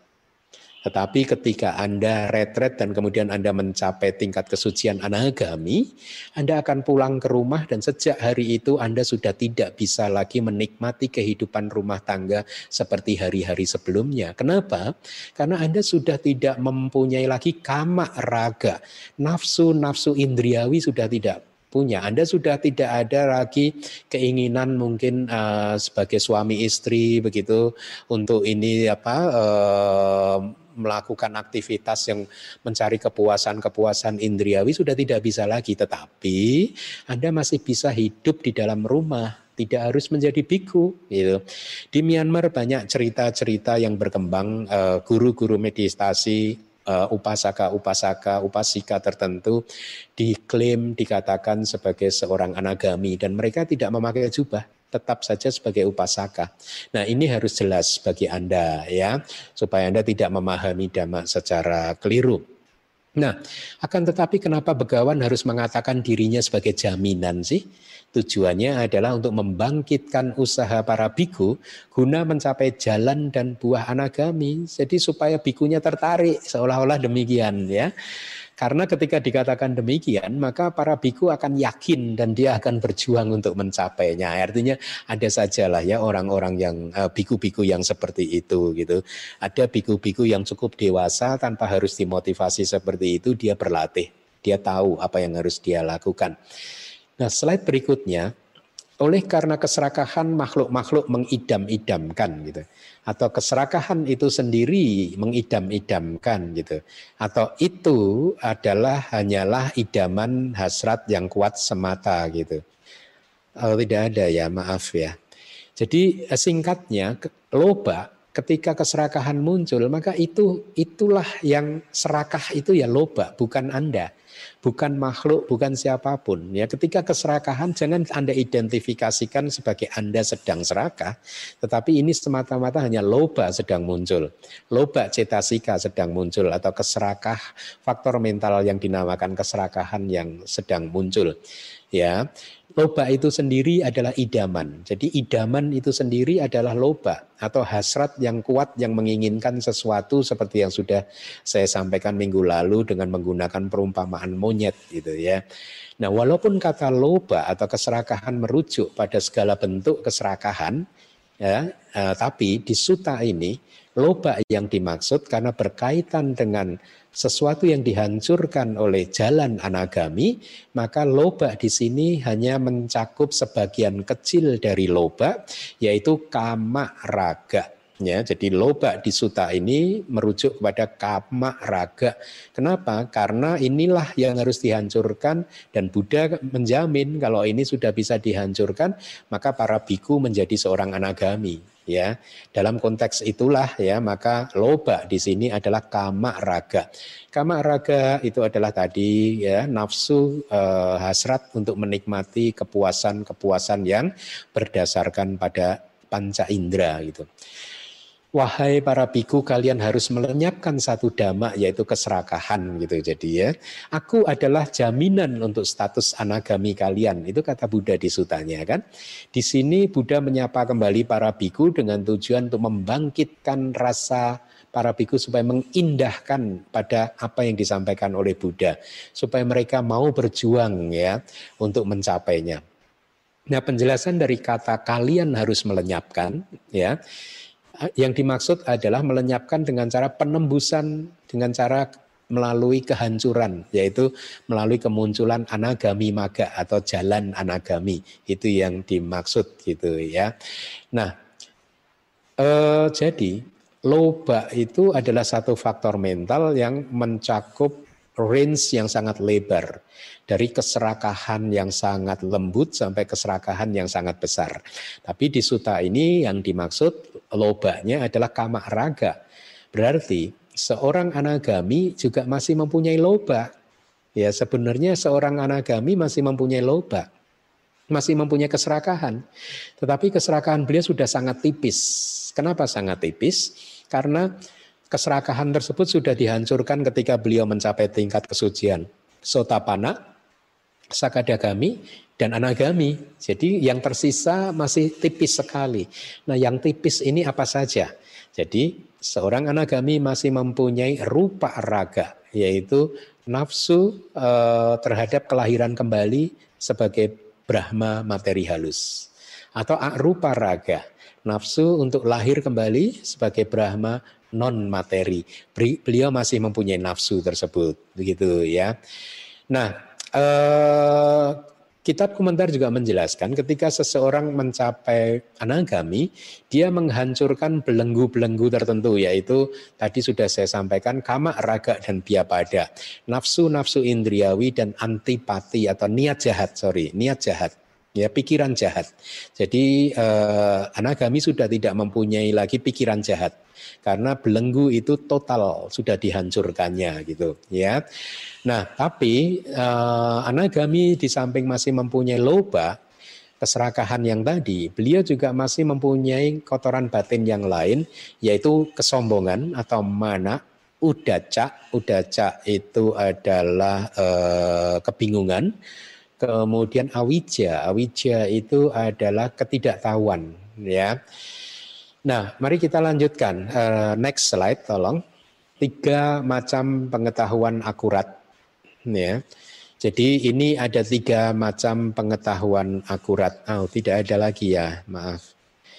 Pengetahuan akurat yang pertama adalah pahana parinya, pengetahuan akurat melalui pelenyapan. Ya nanti akan saya jelaskan. Jadi Anda pahami dulu tiga macam pelenyapan ini. Pahanya perinya, pengetahuan akurat yang muncul melalui karena melalui pelenyapan. Yang kedua adalah tirana perinya, pengetahuan akurat melalui investigasi. Yang ketiga adalah nyata perinya, pengetahuan akurat tentang apa yang diketahui. Nah ini tiga macam pengetahuan akurat. Terhadap kalimat di suta, kalian harus melenyapkan keserakahan, maka yang dimaksud di sini adalah pelenyapan yang muncul melalui bahana perinya, yaitu pengetahuan uh, akurat melalui uh, pelenyapan. Ya, parinya ini Bahana parinya ini memiliki fondasi atau basis tirana parinya, investigasi. Jadi sebelum Anda mampu melenyapkan kilesa, Anda harus menginvestigasi dulu. Itu proses di dalam wipasana sih sebenarnya ya. Nah, investigasi ini mempunyai dasar atau basis yaitu parinya yang berikutnya yaitu nyata parinya. Nyata parinya itu adalah pengetahuan akurat yang muncul melalui uh, apa tentang apa yang harus diketahui begitu ya. Jadi tahapan-tahapannya begitu. Yang pertama adalah nyata parinya dulu, pengetahuan akurat tentang apa yang harus diketahui gitu. Kemudian tirana parinya adalah pengetahuan akurat tentang uh, invest melalui investigasi dan pahana parinya adalah pengetahuan yang akurat uh, dengan yang muncul melalui pelenyapan atau melalui uh, ya kehancuran begitu ya. Nah, Hal itu berkaitan dengan 16 pengetahuan wipasana ya. E, eh, 16 pengetahuan wipasana ini adalah satu paket pengetahuan yang muncul yang harus direalisasi oleh para yogi satu persatu ketika mereka berwipasana ya. Dari pengetahuan wipasana yang pertama sampai ke pengetahuan wipasana yang kedua. Jadi nyata parinya itu atau pengetahuan akurat tentang apa yang harus diketahui. Artinya di dalam wipasana ini sesungguhnya apa sih yang harus kita ketahui gitu ya. Nah, pengetahuan akurat ini harus muncul dengan melalui apa? Kitab komentar menjelaskan ini munculnya uh, pada dua pengetahuan wipasana yang pertama ya. Dua pengetahuan wipasana ini berkaitan, yang pertama ini berkaitan dengan nyata perinya tadi, apa yang harus kita ketahui, ya. Kemudian nomor tiga dan nomor empat, dua yang berikutnya itu berkaitan dengan tirana perinya, yaitu pengetahuan akurat melalui investigasi. Kemudian dua belas pengetahuan sisanya itu adalah momen di mana kita mulai pelan-pelan meninggalkan atau mengikis, melenyapkan uh, kotoran batin kita secara bertahap begitu. Nah, dua pengetahuan wipasana yang pertama itu begini. Yang pertama itu adalah nama rupa pariceda nyana. Jadi ketika Anda berwipasana, bahkan di tahapan wipasana yang pertama, Anda akan diajarkan oleh para guru untuk bisa memisahkan, melihat batasan. Oh ini nama, ini rupa begitu ya. Ini pengetahuan yang pertama. Anda harus sangat jelas melihat ini bahwa apa yang Anda amati itu nama Anda tahu atau kalau rupa Anda pun tahu bahwa itu adalah rupa. Itu pengetahuan wipasana yang pertama yang berkaitan dengan apa yang harus diketahui tadi. Kemudian pengetahuan wipasana yang kedua itu adalah pengetahuan wipasana pacaya parigahanyana. Itu berkaitan dengan eh, kita mulai bisa mengobservasi uh, kondisi atau sebab-sebab dari nama dan rupa yang muncul. Ya, jadi nama dan rupa apa pun yang muncul, kita sudah mulai bisa melihat dengan lebih jelas kondisi-kondisinya apa. Di momen inilah uh, pemahaman yang kuat tentang hukum sebab dan akibat mulai berbunga, mulai tumbuh gitu ya. Nah, kemudian dua yang berikutnya adalah uh, uh, sama sananyana. Sama sananyana itu adalah pengetahuan tentang uh, keseluruhan dari fenomena nama dan rupa itu yang ternyata hanyalah anicca, duka dan anatta. Jadi ini berkaitan dengan parinya yang kedua yaitu investigasi ya. Kita mulai menginvestigasi nama dan rupa dan kemudian muncul mulai mulai mulai apa muncul cahaya pengetahuan yang membuat kita mulai sedikit memahami bahwa nama dan rupa ini ternyata anicca, duka dan anatta. Kemudian yang keempat adalah udaya bayanyana atau pengetahuan tentang uh, kontempla udaya baya anupasananyana pengetahuan tentang kontemplasi ya yang dikontemplasikan apa yaitu udaya baya, kebangkitan dan kehancuran dari nama dan rupa. Jadi di momen ini kita mulai menginvestigasi muncul dan lenyapnya nama dan rupa. Jadi nomor tiga dan nomor empat ini berkaitan dengan tiranya, uh, parinya yang kedua yaitu tirana parinya. Uh, pengetahuan akurat melalui investigasi. Nah kemudian yang terakhir bahana parinya yaitu pengetahuan akurat tentang pelenyapan itu muncul di 12 pengetahuan wipasana yang berikutnya. Ya, yang kelima adalah bangga nupasana nyana yaitu pengetahuan tentang kontemplasi tentang peruraian dari nama dan rupa, kelenyapan dari nama dan rupa. Sangat menarik sekali ketika Anda masuk di dalam momen ini, tahapan ketika pengetahuan wipasana yang nomor lima ini muncul ya, maka Anda akan berada dalam keadaan di mana detik itu Anda amati nama dan rupa dan detik itu yang kelihatan hanya kelenyapannya, hanya peruraiannya, hanya terurainya nama dan rupa saja. Anda sudah tidak lagi memperhatikan kelenyapannya lagi gitu. Bahkan sering kali tidak terlihat lagi gitu.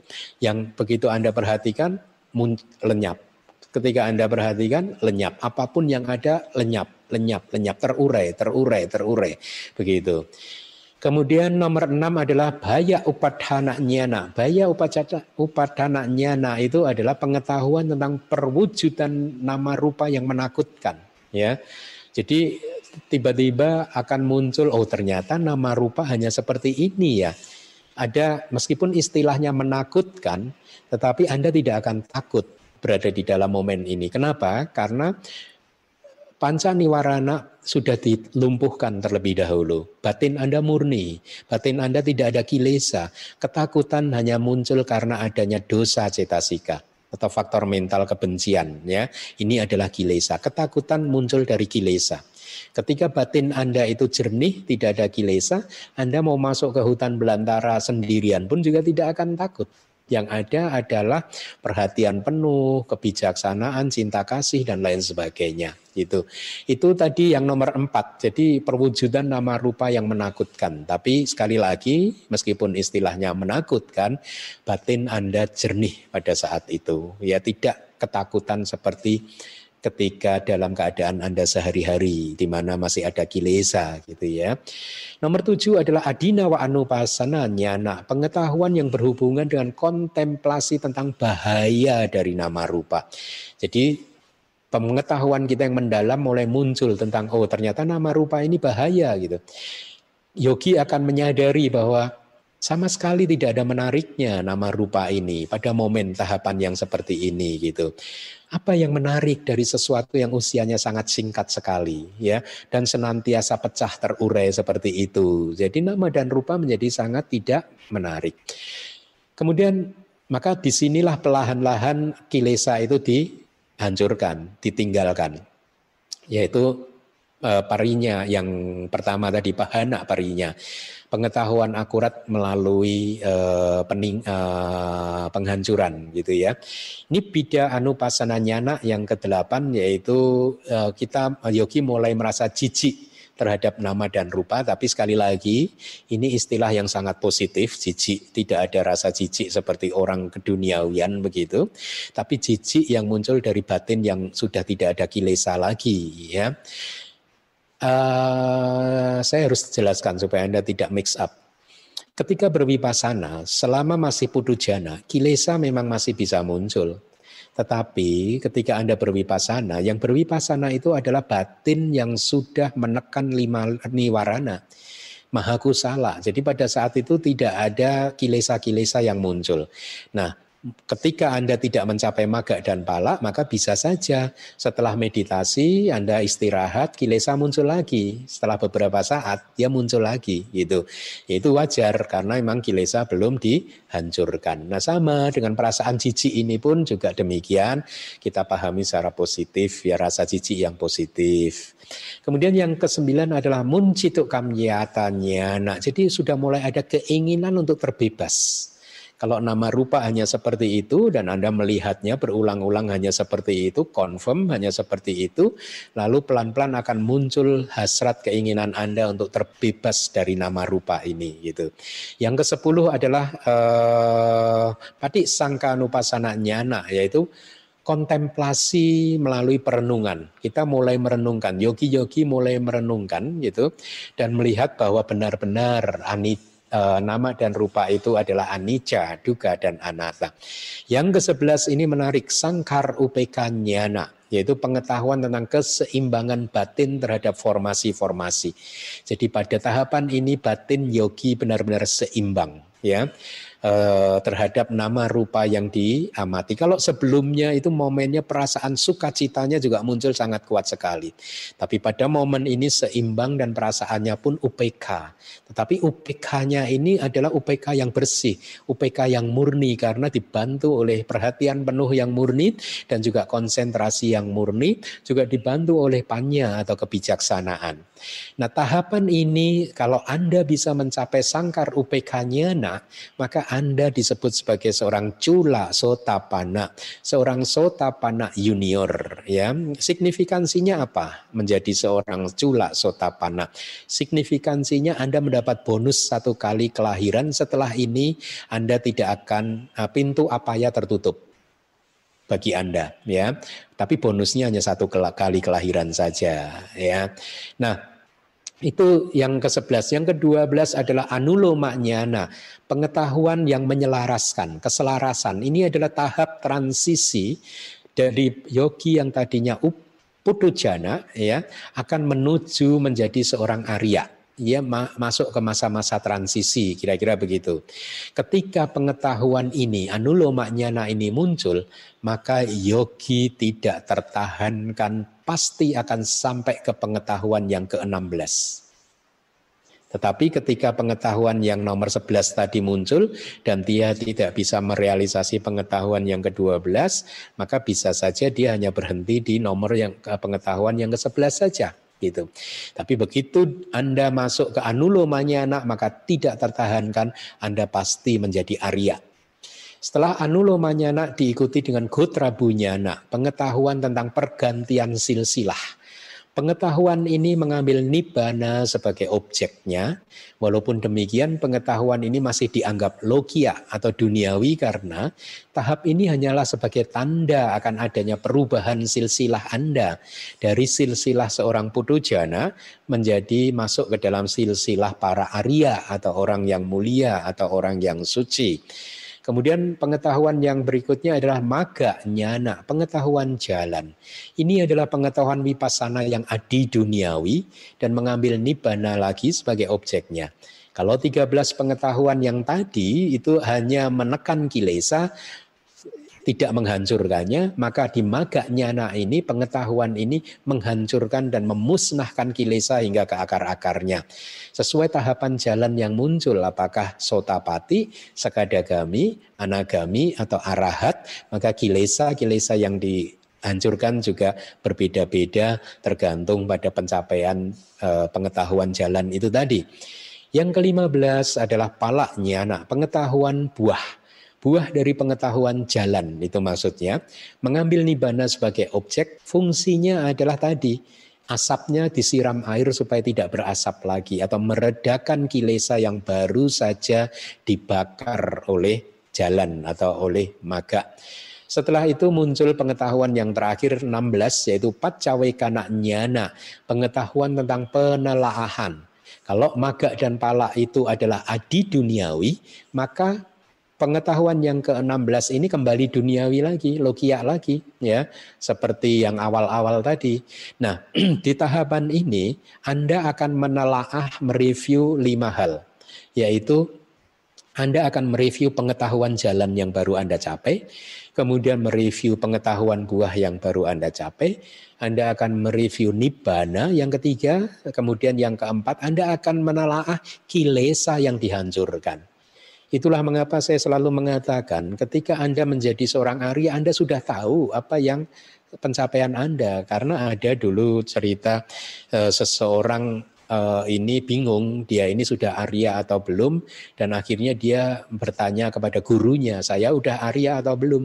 Makanya saya selalu menjawab kalau Anda bertanya Bante saya udah Arya atau belum? Pertanyaan Anda itu adalah jawabannya artinya belum Karena kalau kalau Anda sudah Arya, Anda tidak akan bertanya itu. Siapa pun yang menjadi Arya, dia tidak perlu bertanya karena ada pengetahuan penelaahan. Pacawekananyana. Salah satu yang ditelaah dari lima adalah menelaah kilesa apa saja sih yang baru saja dihancurkan. Dan yang terakhir dia juga akan menelaah kilesa apa yang belum dihancurkan. Itulah mengapa seorang Arya tahu pencapaiannya gitu. Nah berikutnya slide-nya mohon ditampilkan yang tadi. Keserakahan adalah penghasil sesuatu yang tidak menguntungkan. Ini sengaja saya tampilkan supaya pemahaman Anda kuat bahwa keserakahan by whatever means itu adalah sesuatu yang tidak menguntungkan. Keserakahan adalah sesuatu yang membuat batin bergolak, ketakutan terjadi dari dalam. Banyak orang tidak memahami itu. Ini dari Buddha, ya. Orang yang serakah tidak mengetahui sesuatu yang bermanfaat. Orang yang serakah tidak melihat dhamma. Ya, jadi Anda harus renungkan kata-kata Buddha ini. Pada saat ada kebutaan dan kegelapan, itulah saat ketika keserakahan menaklukkan manusia. Jadi bagus kan untuk kita renungkan ya. Ingat, keserakahan bukan sebab kebahagiaan. Ya, keserakahan bukan sebab kesuksesan hidup gitu. Kalau Anda berpikir bahwa supaya tadi bahagia, sukses Anda harus serakah, maka itu adalah cara kerjanya pandangan salah ya. Karena kenapa pandangan salah? Karena tidak memahami hukum karma. Aku salah dianggap menghasilkan salah gitu Next slide, seseorang yang tergila-gila karena nafsu, wahai teman, yang ditaklukkan dan yang di, hatinya dikuasai oleh nafsu membunuh makhluk hidup, juga ditaklukkan oleh nafsu mengambil sesuatu yang tidak diberikan dan seterusnya yang ini adalah pelanggaran sila ya. Yang terakhir adalah mengatakan kebohongan.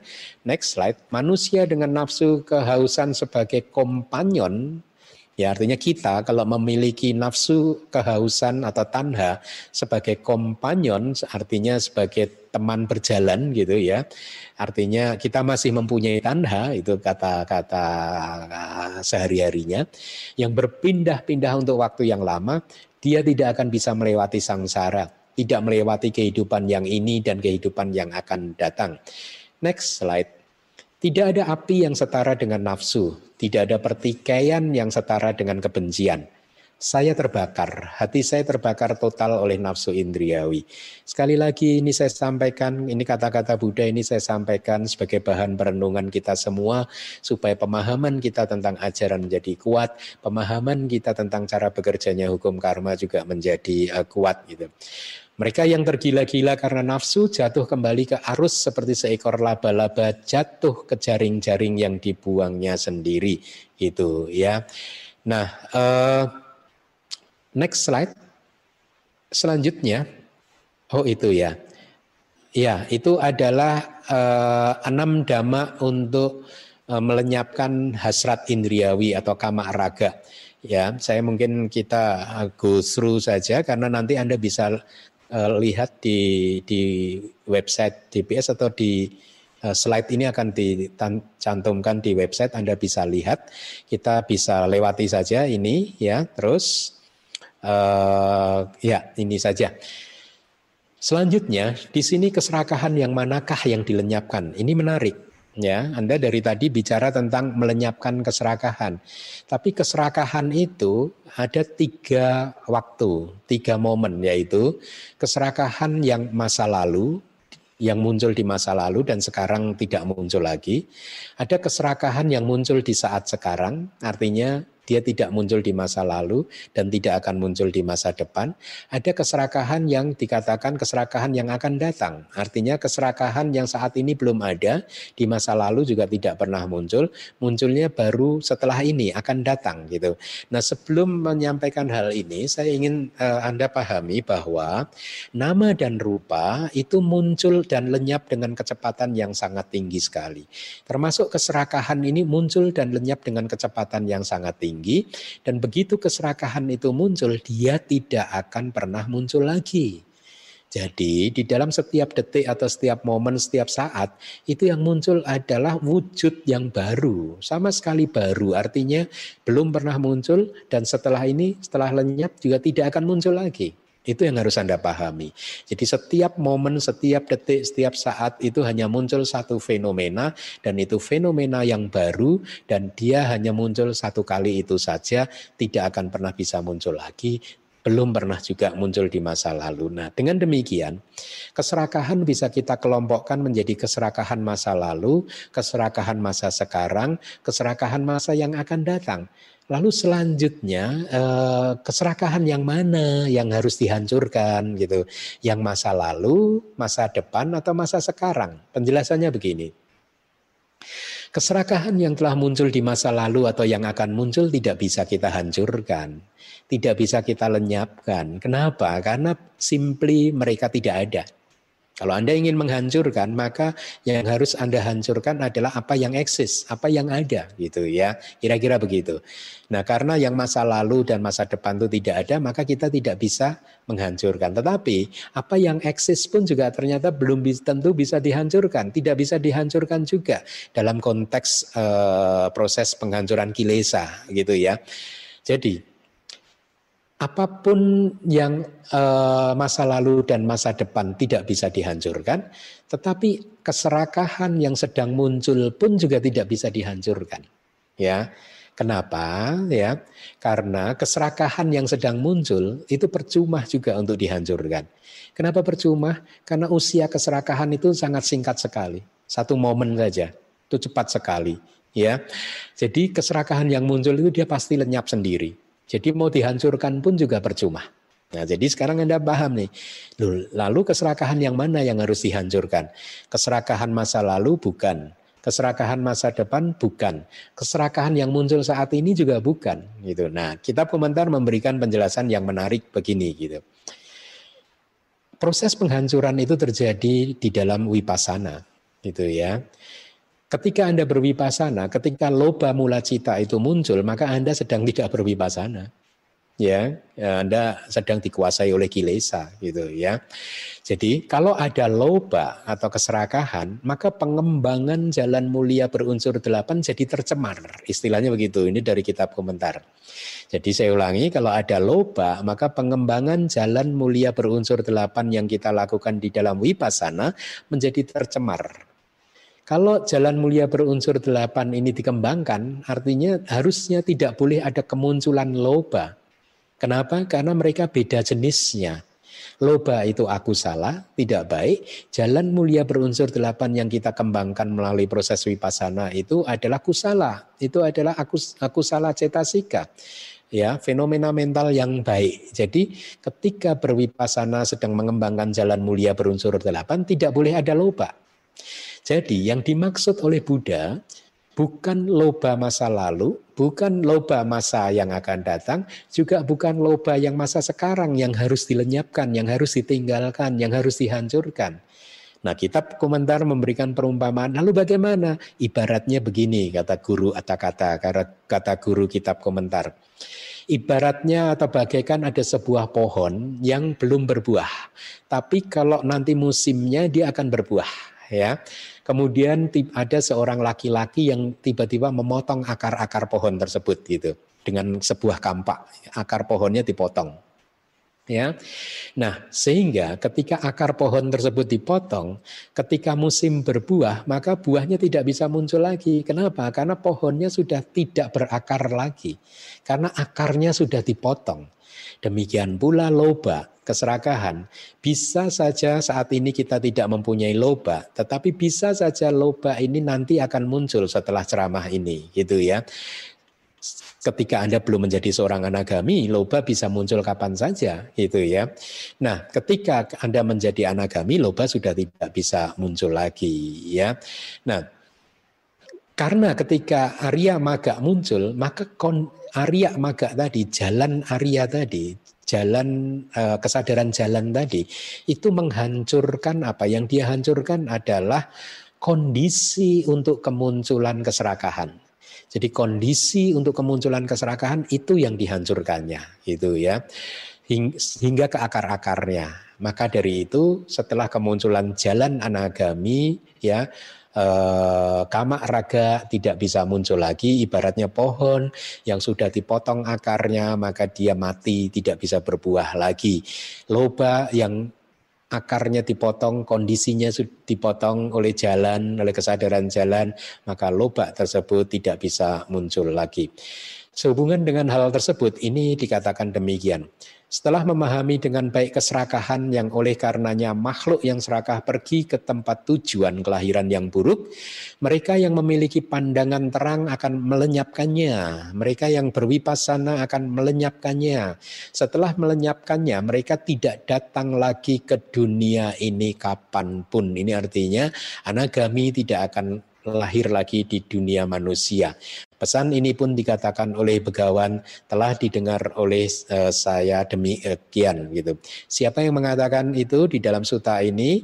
Buddha sendiri. Jadi kita harus beriman, mempunyai keyakinan bahwa suta ini benar-benar disampaikan oleh Buddha karena di Indonesia ini ada saja kelompok-kelompok yang mulai memilah-milah ini suta saja dan suta pun dipilah-pilah. Ini ajaran Buddha yang asli, ini bukan. Yang asli itu yang ada ewang mesutangnya, yang nggak ada ewang mesutangnya itu bukan ajaran Buddha. Ini selipan, ini tambahan gitu. Nah, guru kata mengatakan no, iti utaka ini pun dari Buddha sendiri gitu. Oleh karena di tempat lain dikatakan di dalam kitab komentar di suta-suta lain kadang syair-syair itu disusun oleh para bante yang mengulangnya. Akan tetapi di Idi Utaka semua syair yang tadi baru saja yang ada di slide itu itu disusun oleh Buddha sendiri. Demikian kata guru kata-kata ya. Jadi syair yang ada di slide yang Anda baca saat ini ada di layar itu disusun oleh Buddha sendiri. Selanjutnya, keserakahan yang oleh karenanya kalimat disutanya makhluk yang serakah pergi ke tempat tujuan kelahiran yang buruk ya itu penjelasannya. Oleh karena loba yang memiliki laksana mencengkeram atau menggenggam objek seperti yang minggu lalu sudah saya sampaikan fungsinya adalah untuk menempelkan batin ke objeknya e, maka makhluk yang melekat pada objek panca indera dan mental akhirnya melakukan perbuatan yang buruk. Demikian kata guru ya. Karena keserakahan Anda bisa melakukan perbuatan yang buruk. Karena keserakahan Anda bisa melanggar sila ya. Dan karena keserakahan Anda tidak mau melakukan perbuatan yang baik. Itu kata guru ya. Baik itu perbuatan melalui tubuh, ucapan maupun pikiran. Akibatnya apa? Karena dia tidak mau melakukan perbuatan yang baik, yang dia lakukan hanya perbuatan yang buruk, maka akhirnya dia muncul di neraka atau lahir sebagai binatang, sebagai peta melalui pengambilan patik sandi atau melalui kelahiran kembali. Bumi kelahiran tersebut adalah bumi kelahiran yang buruk. Kenapa? Guru kata-kata menjelaskan karena menjadi tempat di mana duka itu muncul secara terus-menerus.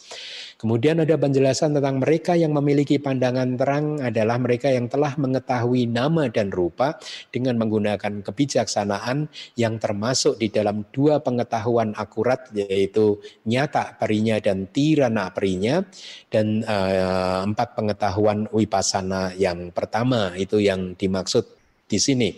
Kemudian melenyapkannya, melenyapkan keserakahan melalui sekali lagi jalan anagami gitu ya.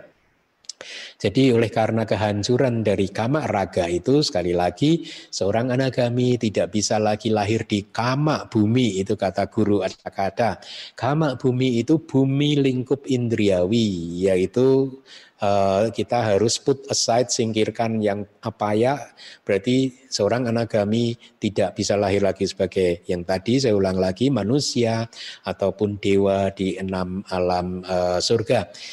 Anagami tidak lagi kembali ke bumi indriawi tersebut, beliau akan lahir di Sudawasa, kediaman murni dan mencapai tingkat kesucian arahan tak di sana.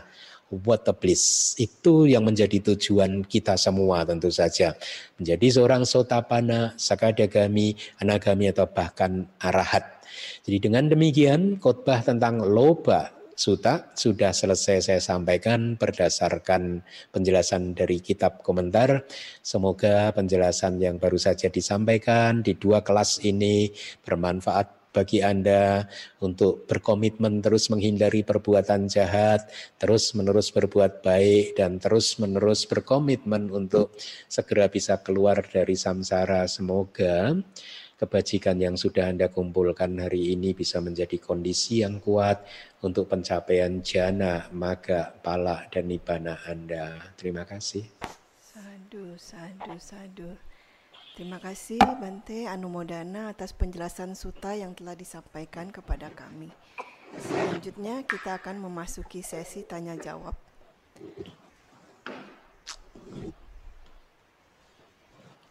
Sebelumnya saya akan membacakan tata tertib untuk sesi tanya jawab ini.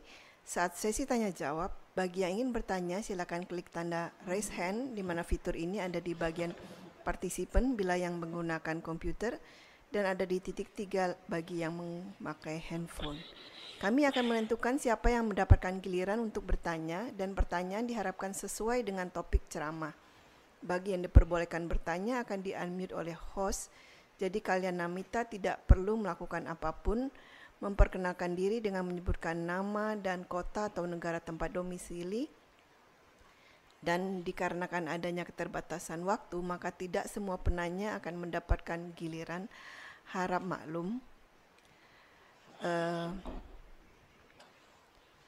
agar memberikan kesempatan kepada semua kalian namita yang ingin bertanya, kami mohon agar masing-masing penanya hanya mengajukan satu pertanyaan dulu. Ya, jika nanti ada waktu uh, bisa mengajukan pertanyaan berikutnya. Oke.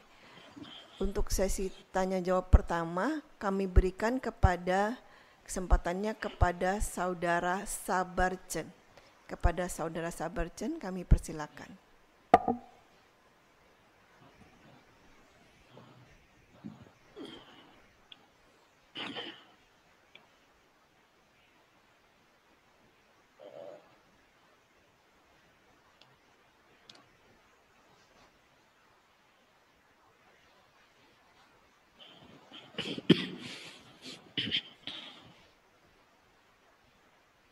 Saya tidak mendengar ya.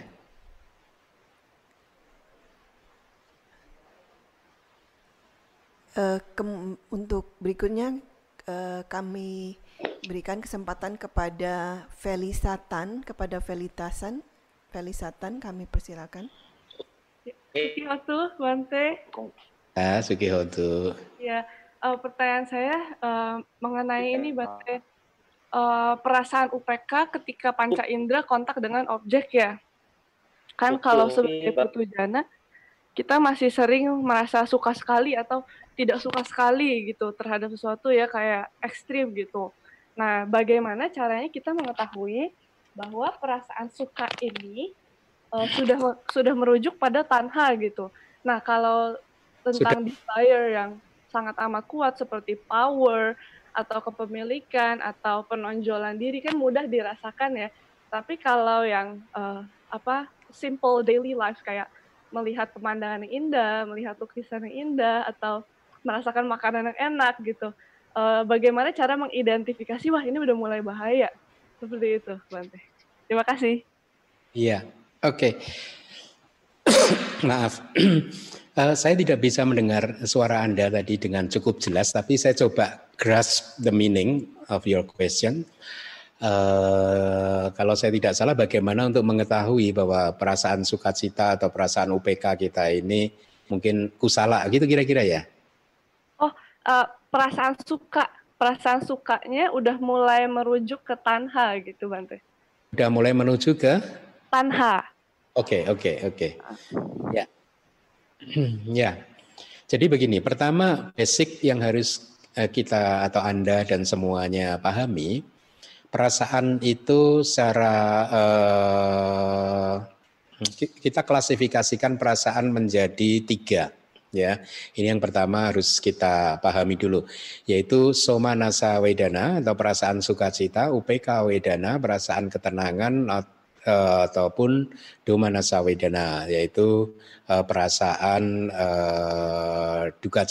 Ya meskipun nanti somanasa dan domanasa ini bisa muncul murni di batin ataupun yang uh, berkaitan dengan tubuh ya. Uh, tapi secara basic perasaan kita bagi dulu menjadi tiga ini. Nah, uh, apa? Ketika perasaan sukacita atau somanasa wedana itu muncul, Anda harus Pak pahami dulu bahwa ini belum tentu baik. Bisa jadi itu kesadaran yang baik yang muncul, tapi belum tentu eh, bisa jadi juga ini adalah kesadaran yang tidak baik yang muncul yaitu tadi yang berakar pada keserakahan. Karena kesadaran yang berakar pada keserakahan ketika muncul dia bisa disertai dengan perasaan sukacita, ya, perasaan bahagia, rasa senang berlebihan. Kemudian perasaan yang ketiga adalah perasaan uh, apa tadi? Uh, uh, sorry, setelah somanasa ketenangan ya.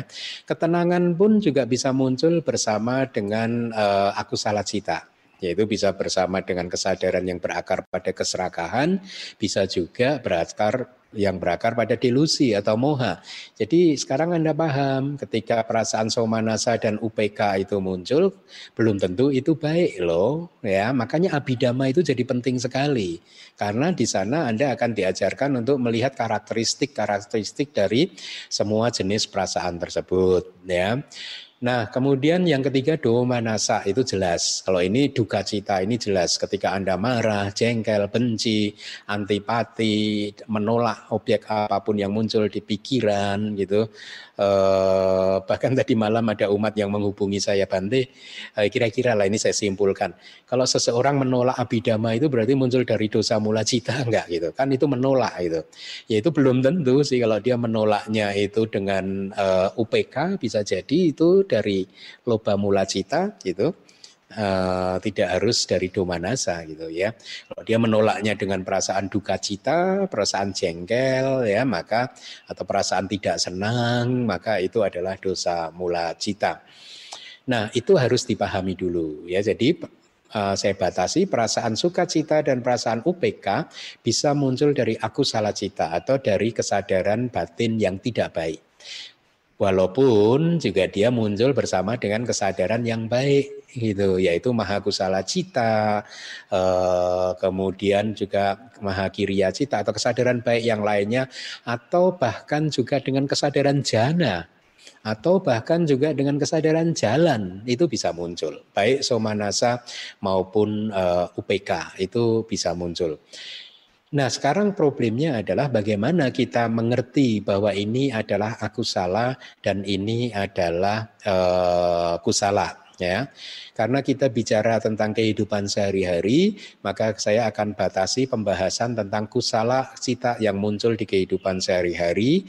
Dengan demikian saya meng, apa, menyisihkan kemunculan kesadaran jana dan kesadaran jalan ya.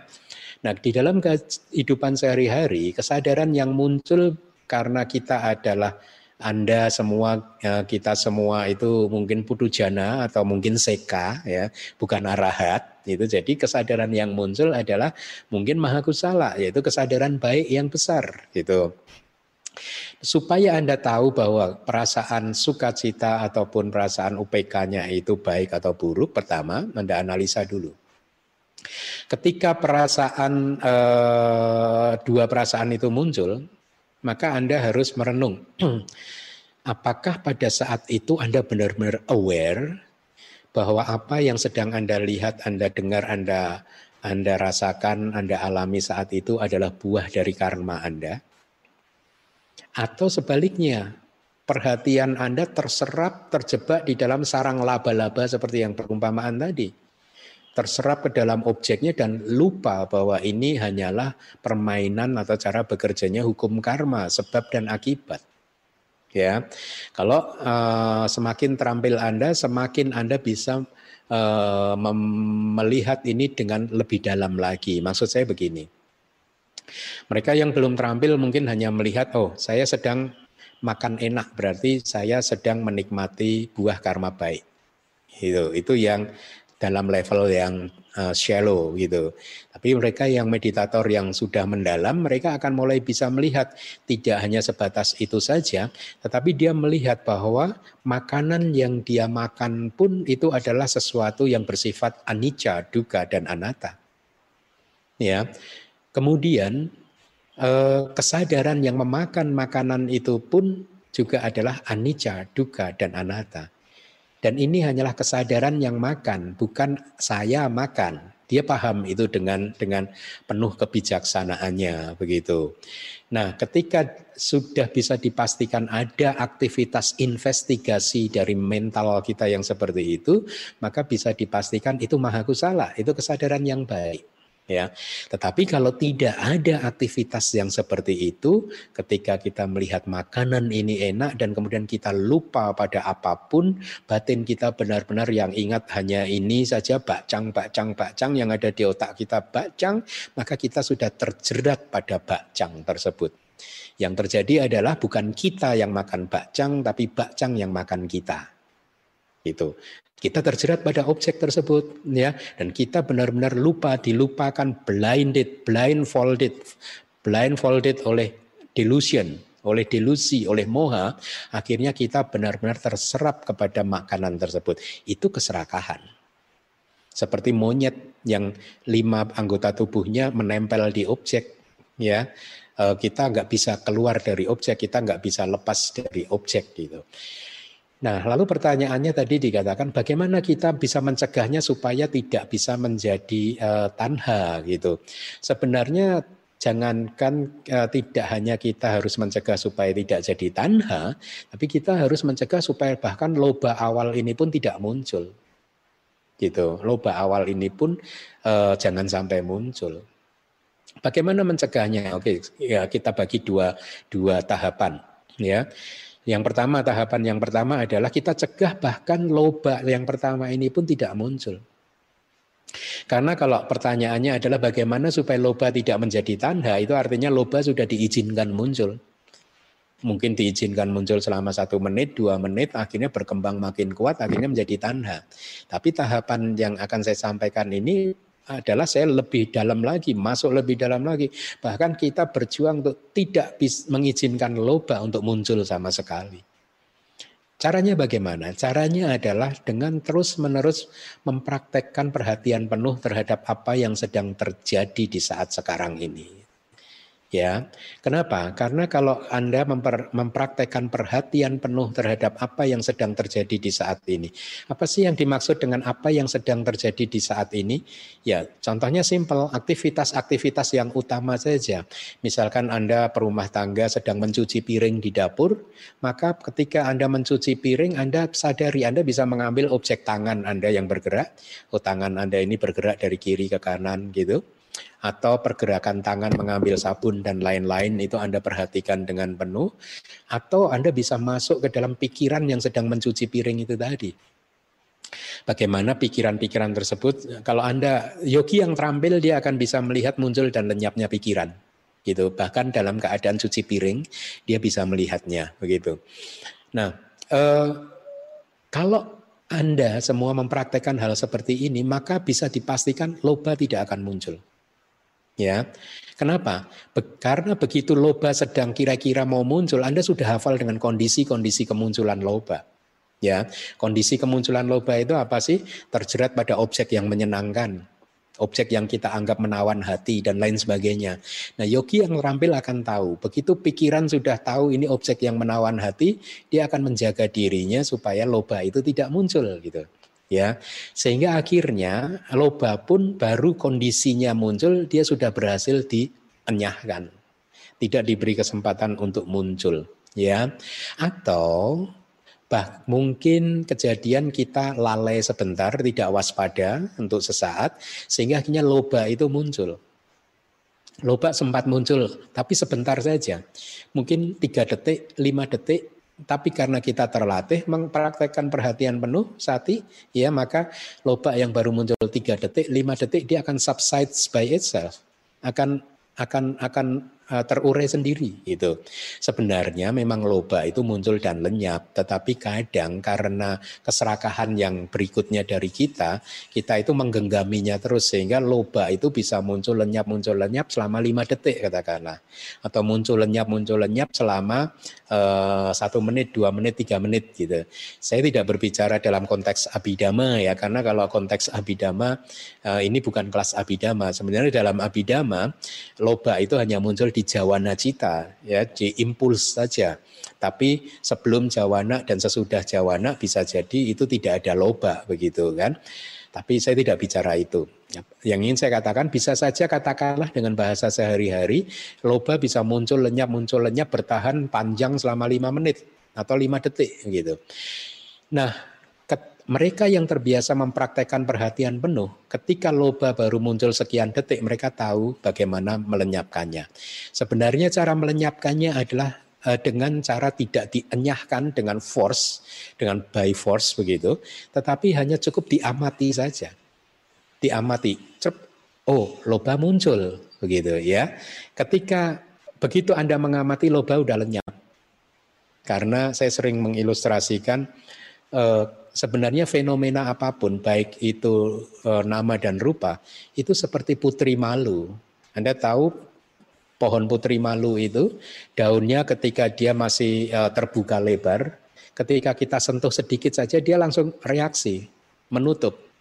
Nah, fenomena mental juga seperti itu. Itu hanya perumpamaan ya. Untuk presisinya kita tidak bicara tentang presisi itu, tapi kira-kira seperti itu. Fenomena apa pun yang Anda amati dia akan menguncup dia akan terurai. Gitu. Meskipun ini sebenarnya proses terurainya ini dikatakan masa lalu gitu. Ya bukan masa sekarang. Tapi masa lalunya ini kan sepersekian triliun detik itu satu per satu triliun detik jadi cepat sekali jadi seolah-olah juga masa sekarang juga gitu, seolah-olah tapi sebenarnya itu masa lalu gitu. Jadi semua fenomena apa pun, fenomena mental apa pun, ketika Anda amati dengan perhatian penuh yang benar, seperti Anda menyentuh putri malu, dia akan menguncup. Dia akan lenyap dengan sendirinya. Nah, kalau kilesa-kilesa itu baru saja muncul, lebih gampang dipadamkan. Lebih gampang dilenyapkan. Tapi kalau kilesa ini sudah dibiarkan muncul selama satu menit, dua menit, tiga menit, sering kali seseorang akan kesulitan untuk melenyapkan, mengusir kilesa tersebut. Ibaratnya seperti api saja. Api itu kalau baru saja menyala, gampang untuk dipadamkan.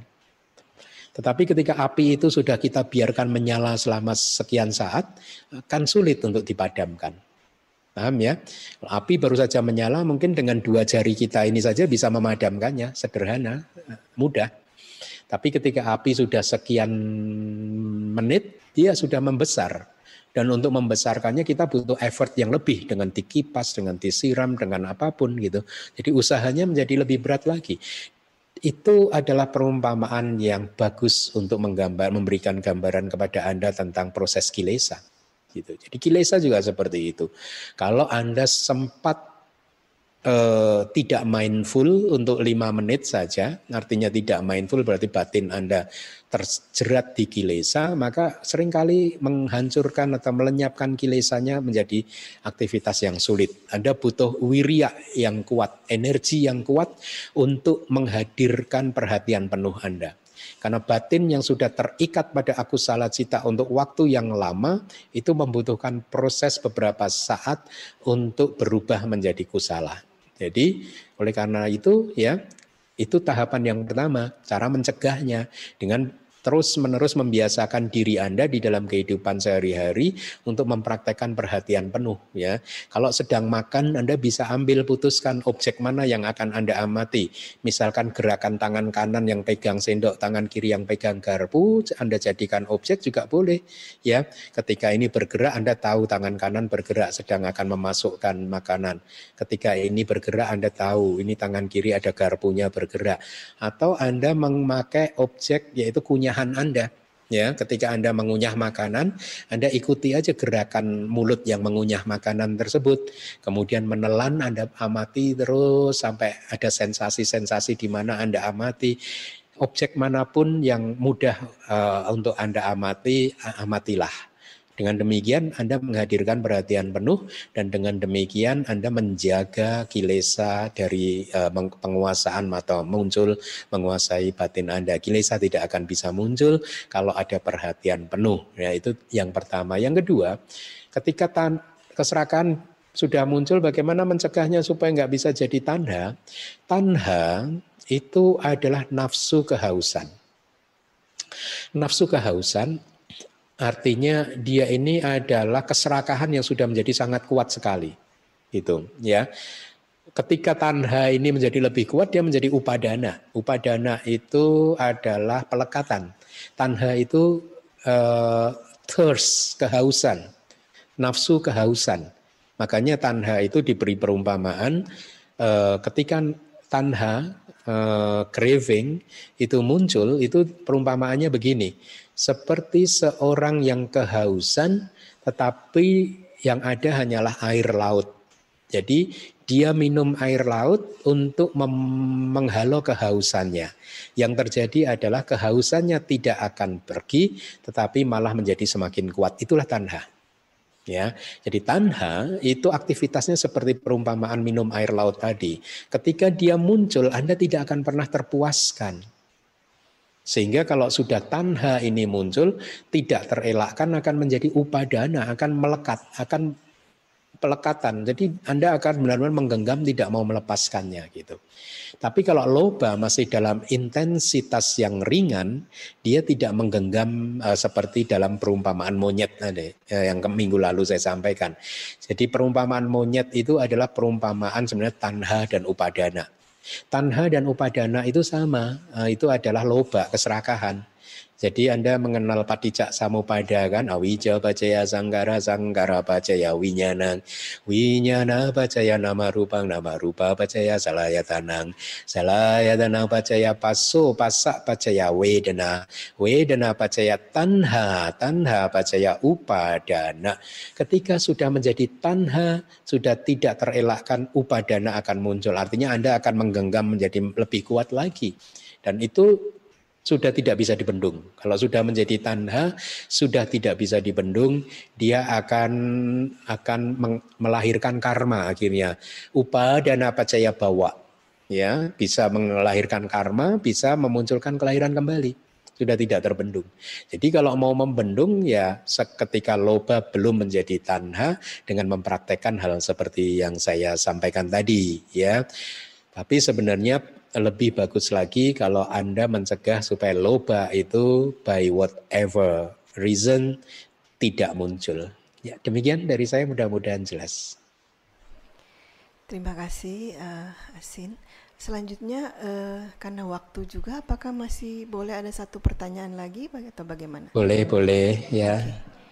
Uh, eh, untuk berikutnya kami berikan kesempatan kepada Bapak Sabarcen. Mungkin Pak Sabarcen bisa uh, di unmute. Silakan. Sukihotu Bante. Sukihotu Pak. Kita dari Medan. Nama saya Sabat Chen oke. Okay. uh, begini uh, Bante. Saya mau tanya ya mengenai yang tadi uh, uh, anagami itu kan Bante ada ngomong masih ada kilesa kekuatan batin, ya masih ada lobanya serupa sotapana gitu ya. Jadi kita nggak bisa bedakan macam mana kita bisa bedakan itu mm, manusia biasa yang ada loba-loba itu um, bahwasanya dia menyatakan kan kebanyakan kan menyatakan dia udah mencapai sotapana atau uh, mencapai anagami gitu loh ya kan. Tapi padahal dia kan masih ada lobanya, ya kan? Jadi dia nggak tahu itu yang namanya e, loba besar sama kecil ini, nah, Bante. Maksudnya gini Bante ya, hmm, semua seperti manusia biasa, dia kan ingin mencapai e, misalnya sesuatu anak kami bisa contoh ya, dia itu kan menganggap dia udah bisa capai. Padahal namanya e, loba itu kan misalnya loba atau kelesa kekuatan batin kan masing-masing kan um, punya gitu ya tapi dia nggak tahu itu yang namanya itu eh, yang namanya itu lo apa itu loba itu sekecil apa gitu yang udah dia kikis itu. Dia menganggap semua ah, sama lah. Kita kan semua um, namanya anagami ya juga ada punya kirasa kekotoran batin, punya loba, bisa marah gitu loh. Bisa kita bedakan gitu loh nanti manusia dengan anagami atau sotapana. Gimana Baik. kita bisa beda ini ya Bante? Baik. Terima kasih Bante. Ya, Uh, uh, saya merasa hari ini suaranya pecah-pecah semua, jadi saya tidak bisa mendengar dengan jelas. Tapi saya coba uh, apa uh, uh, rangkumkan ya apa uh, simpulkan pertanyaan anda. Cara cara mengetahui ya tingkatan-tingkatan dari kilesa-kilesa tersebut ya pak ya. Kira-kira seperti itu kan ya. Jangan deket-deket mungkin bapak. Anda masih di mute ya. Jadi cara mengetahui perbedaannya kan ya, kira-kira begitu ya? Ya, ya, ya, ya, ya. Kan masing-masing punya loba ya. Baik, baik, baik. Oke, Bapak. Begini, Bapak. Masih. Iya. Ya. jadi bayangkan saja kalau loba itu, jadi loba itu adalah eh, levelnya dari angka 1 sampai 100, bayangkan saja. Ini perumpamaan yang ingin saya berikan pada Anda. Seorang putu jana mempunyai loba dengan kekuatan sampai 100. Dia bisa muncul sampai dengan kekuatan penuh 100. Itulah yang membuat seorang putu jana itu bisa lahir ke neraka peta asura binatang karena lobanya bisa muncul sampai kekuatan 100. Meskipun tidak selalu muncul dalam kekuatan penuh sampai angka 100 seperti itu ya. Anda bayangkan dalam kehidupan Anda sehari-hari kan kadang keserakahan itu kuat sekali, kadang juga keserakahan itu tidak kuat kan? Ya. Jadi ketika keserakahan Anda sedang muncul itu angkanya katakanlah ini perumpamaannya angka 100 penuh, tapi kadang di lain hari keserakahan Anda muncul angkanya tidak penuh, mungkin hanya 5, 10 dan lain sebagainya. Nah, tetapi itu putu jana. Seorang sotapana keserakahannya itu munculnya ini perumpamaan saya saja ya.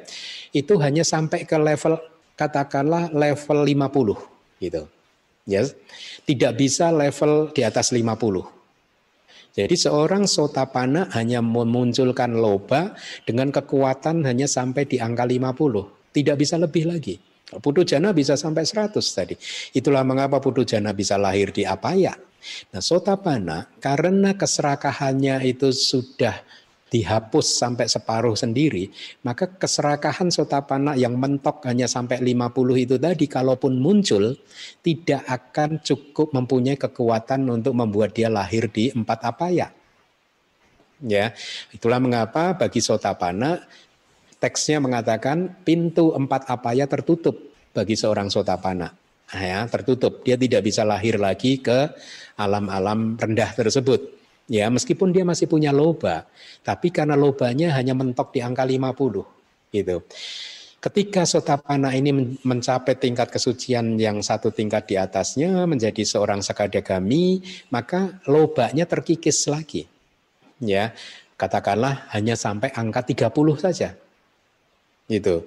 Jadi sakadagami masih mempunyai keserakahan, tetapi keserakahannya kalau muncul sudah sangat lemah sekali dan kata perumpamanya tadi angka 30 gitu.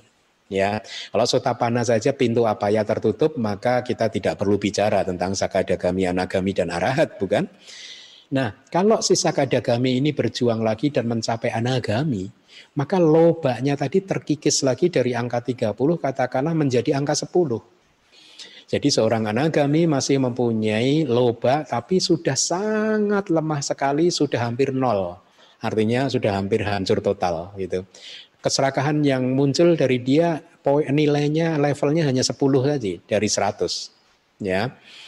Nah, ketika dia menjadi seorang arahat, maka keserakahan tadi nol, total hancur gitu ya. Itu prosesnya kira-kira seperti itu. Nah, dalam kehidupan sehari-harinya bagaimana? Ya, kalau seorang uh, putu jana uh, keserakahan kalau muncul ya Anda semua bisa pernah mengalaminya kan. Anda benar-benar dibutakan oleh objek tersebut karena kekuatan dari moha dan Anda ber, berpikir bahwa saya harus mendapatkan itu gitu. Karena hanya dengan itulah saya akan bahagia selama-lamanya katakanlah begitu. Jadi itu tipuan dari kilesa. Kilesa selalu menjanjikan kepada kita bahwa kita harus melakukan apa yang kilesa itu mau dengan janji kita harus melakukannya karena hanya itulah yang akan membuat kita bahagia selama-lamanya gitu. Ya. Banyak kan keserakahan yang muncul dengan mengorbankan orang lain karena ketika keserakahan itu muncul, si orang tersebut dibutakan gitu. Nah, itulah level yang 100. Akhirnya dengan keserakahan itu dia melanggar sila satu, sila kedua, sampai kelima gitu. Dan itulah mengapa ya, pelanggaran sila itu muncul ketika kilesa sudah sampai ke angka 100. Maka hati-hati. Setiap pelanggaran sila muncul karena kilesa sudah sampai ke angka 100. Kok Bante bisa mengatakan iya begitu karena pelanggaran sila apa pun itu mempunyai kekuatan untuk memunculkan kelahiran kembali di empat apaya. Makanya itu level 100. Itu bahaya kan? Ya, level 90 80 pun juga masih bisa begitu gitu. Tapi kita mentokkan aja pelanggaran sila itu level 100 karena mempunyai kekuatan untuk memunculkan lima agregat di empat apaya. Nah, seorang sotapana keserakahannya tidak seperti itu. Seorang sotapana keserakahannya tidak akan sempat membuat dia melanggar sila. Ya. Keserakahan seorang sotapana tidak sempat membuat dia dibutakan, ya. Keserakahan seorang sotapana tidak tidak akan bisa bertahan lama. Paling mungkin sekian detik hilang lagi gitu. Tapi keserakahan podojana bisa bisa semalaman tidak tidur ya jam 10 mau tidur sampai jam 6 pagi nggak bisa tidur karena dikuasai oleh keserakahan. Saya besok akan begini besok akan begitu besok akan udah kayak monyet itu tadi menempel ke objeknya itu seperti daging yang dilempar ke penggorengan yang panas yang tidak ada minyaknya dia menempel gitu. Semalaman nggak bisa tidur gitu. Sotapana tidak akan pernah seperti itu ya Kalaupun sotapana tidak tidur bukan karena serakah, dia karena meditasi atau karena uh, uh, apa sedang sedang mengamati hal-hal yang lain, nama dan rupa dan lain sebagainya. Nah, sakadagami pasti juga lebih lam, uh, lemah lagi sampai uh, anagami juga lemah lagi dan sampai arahat sama sekali tidak mempunyai keserakahan. Buddha, Arahat, Paceka Buddha itu tidak mempunyai keserakahan gitu. Nah, lalu bagaimana apakah orang lain bisa tahu si A ini Putujana, si B Sotapana? Kitab kita mengatakan hanya mereka yang mempunyai tingkat pencapaian kesucian yang sama yang bisa mengetahui orang lain dengan tingkat yang sama atau di bawahnya gitu. Ya. Nah, demikian mudah-mudahan jawaban ini jelas. Terima kasih.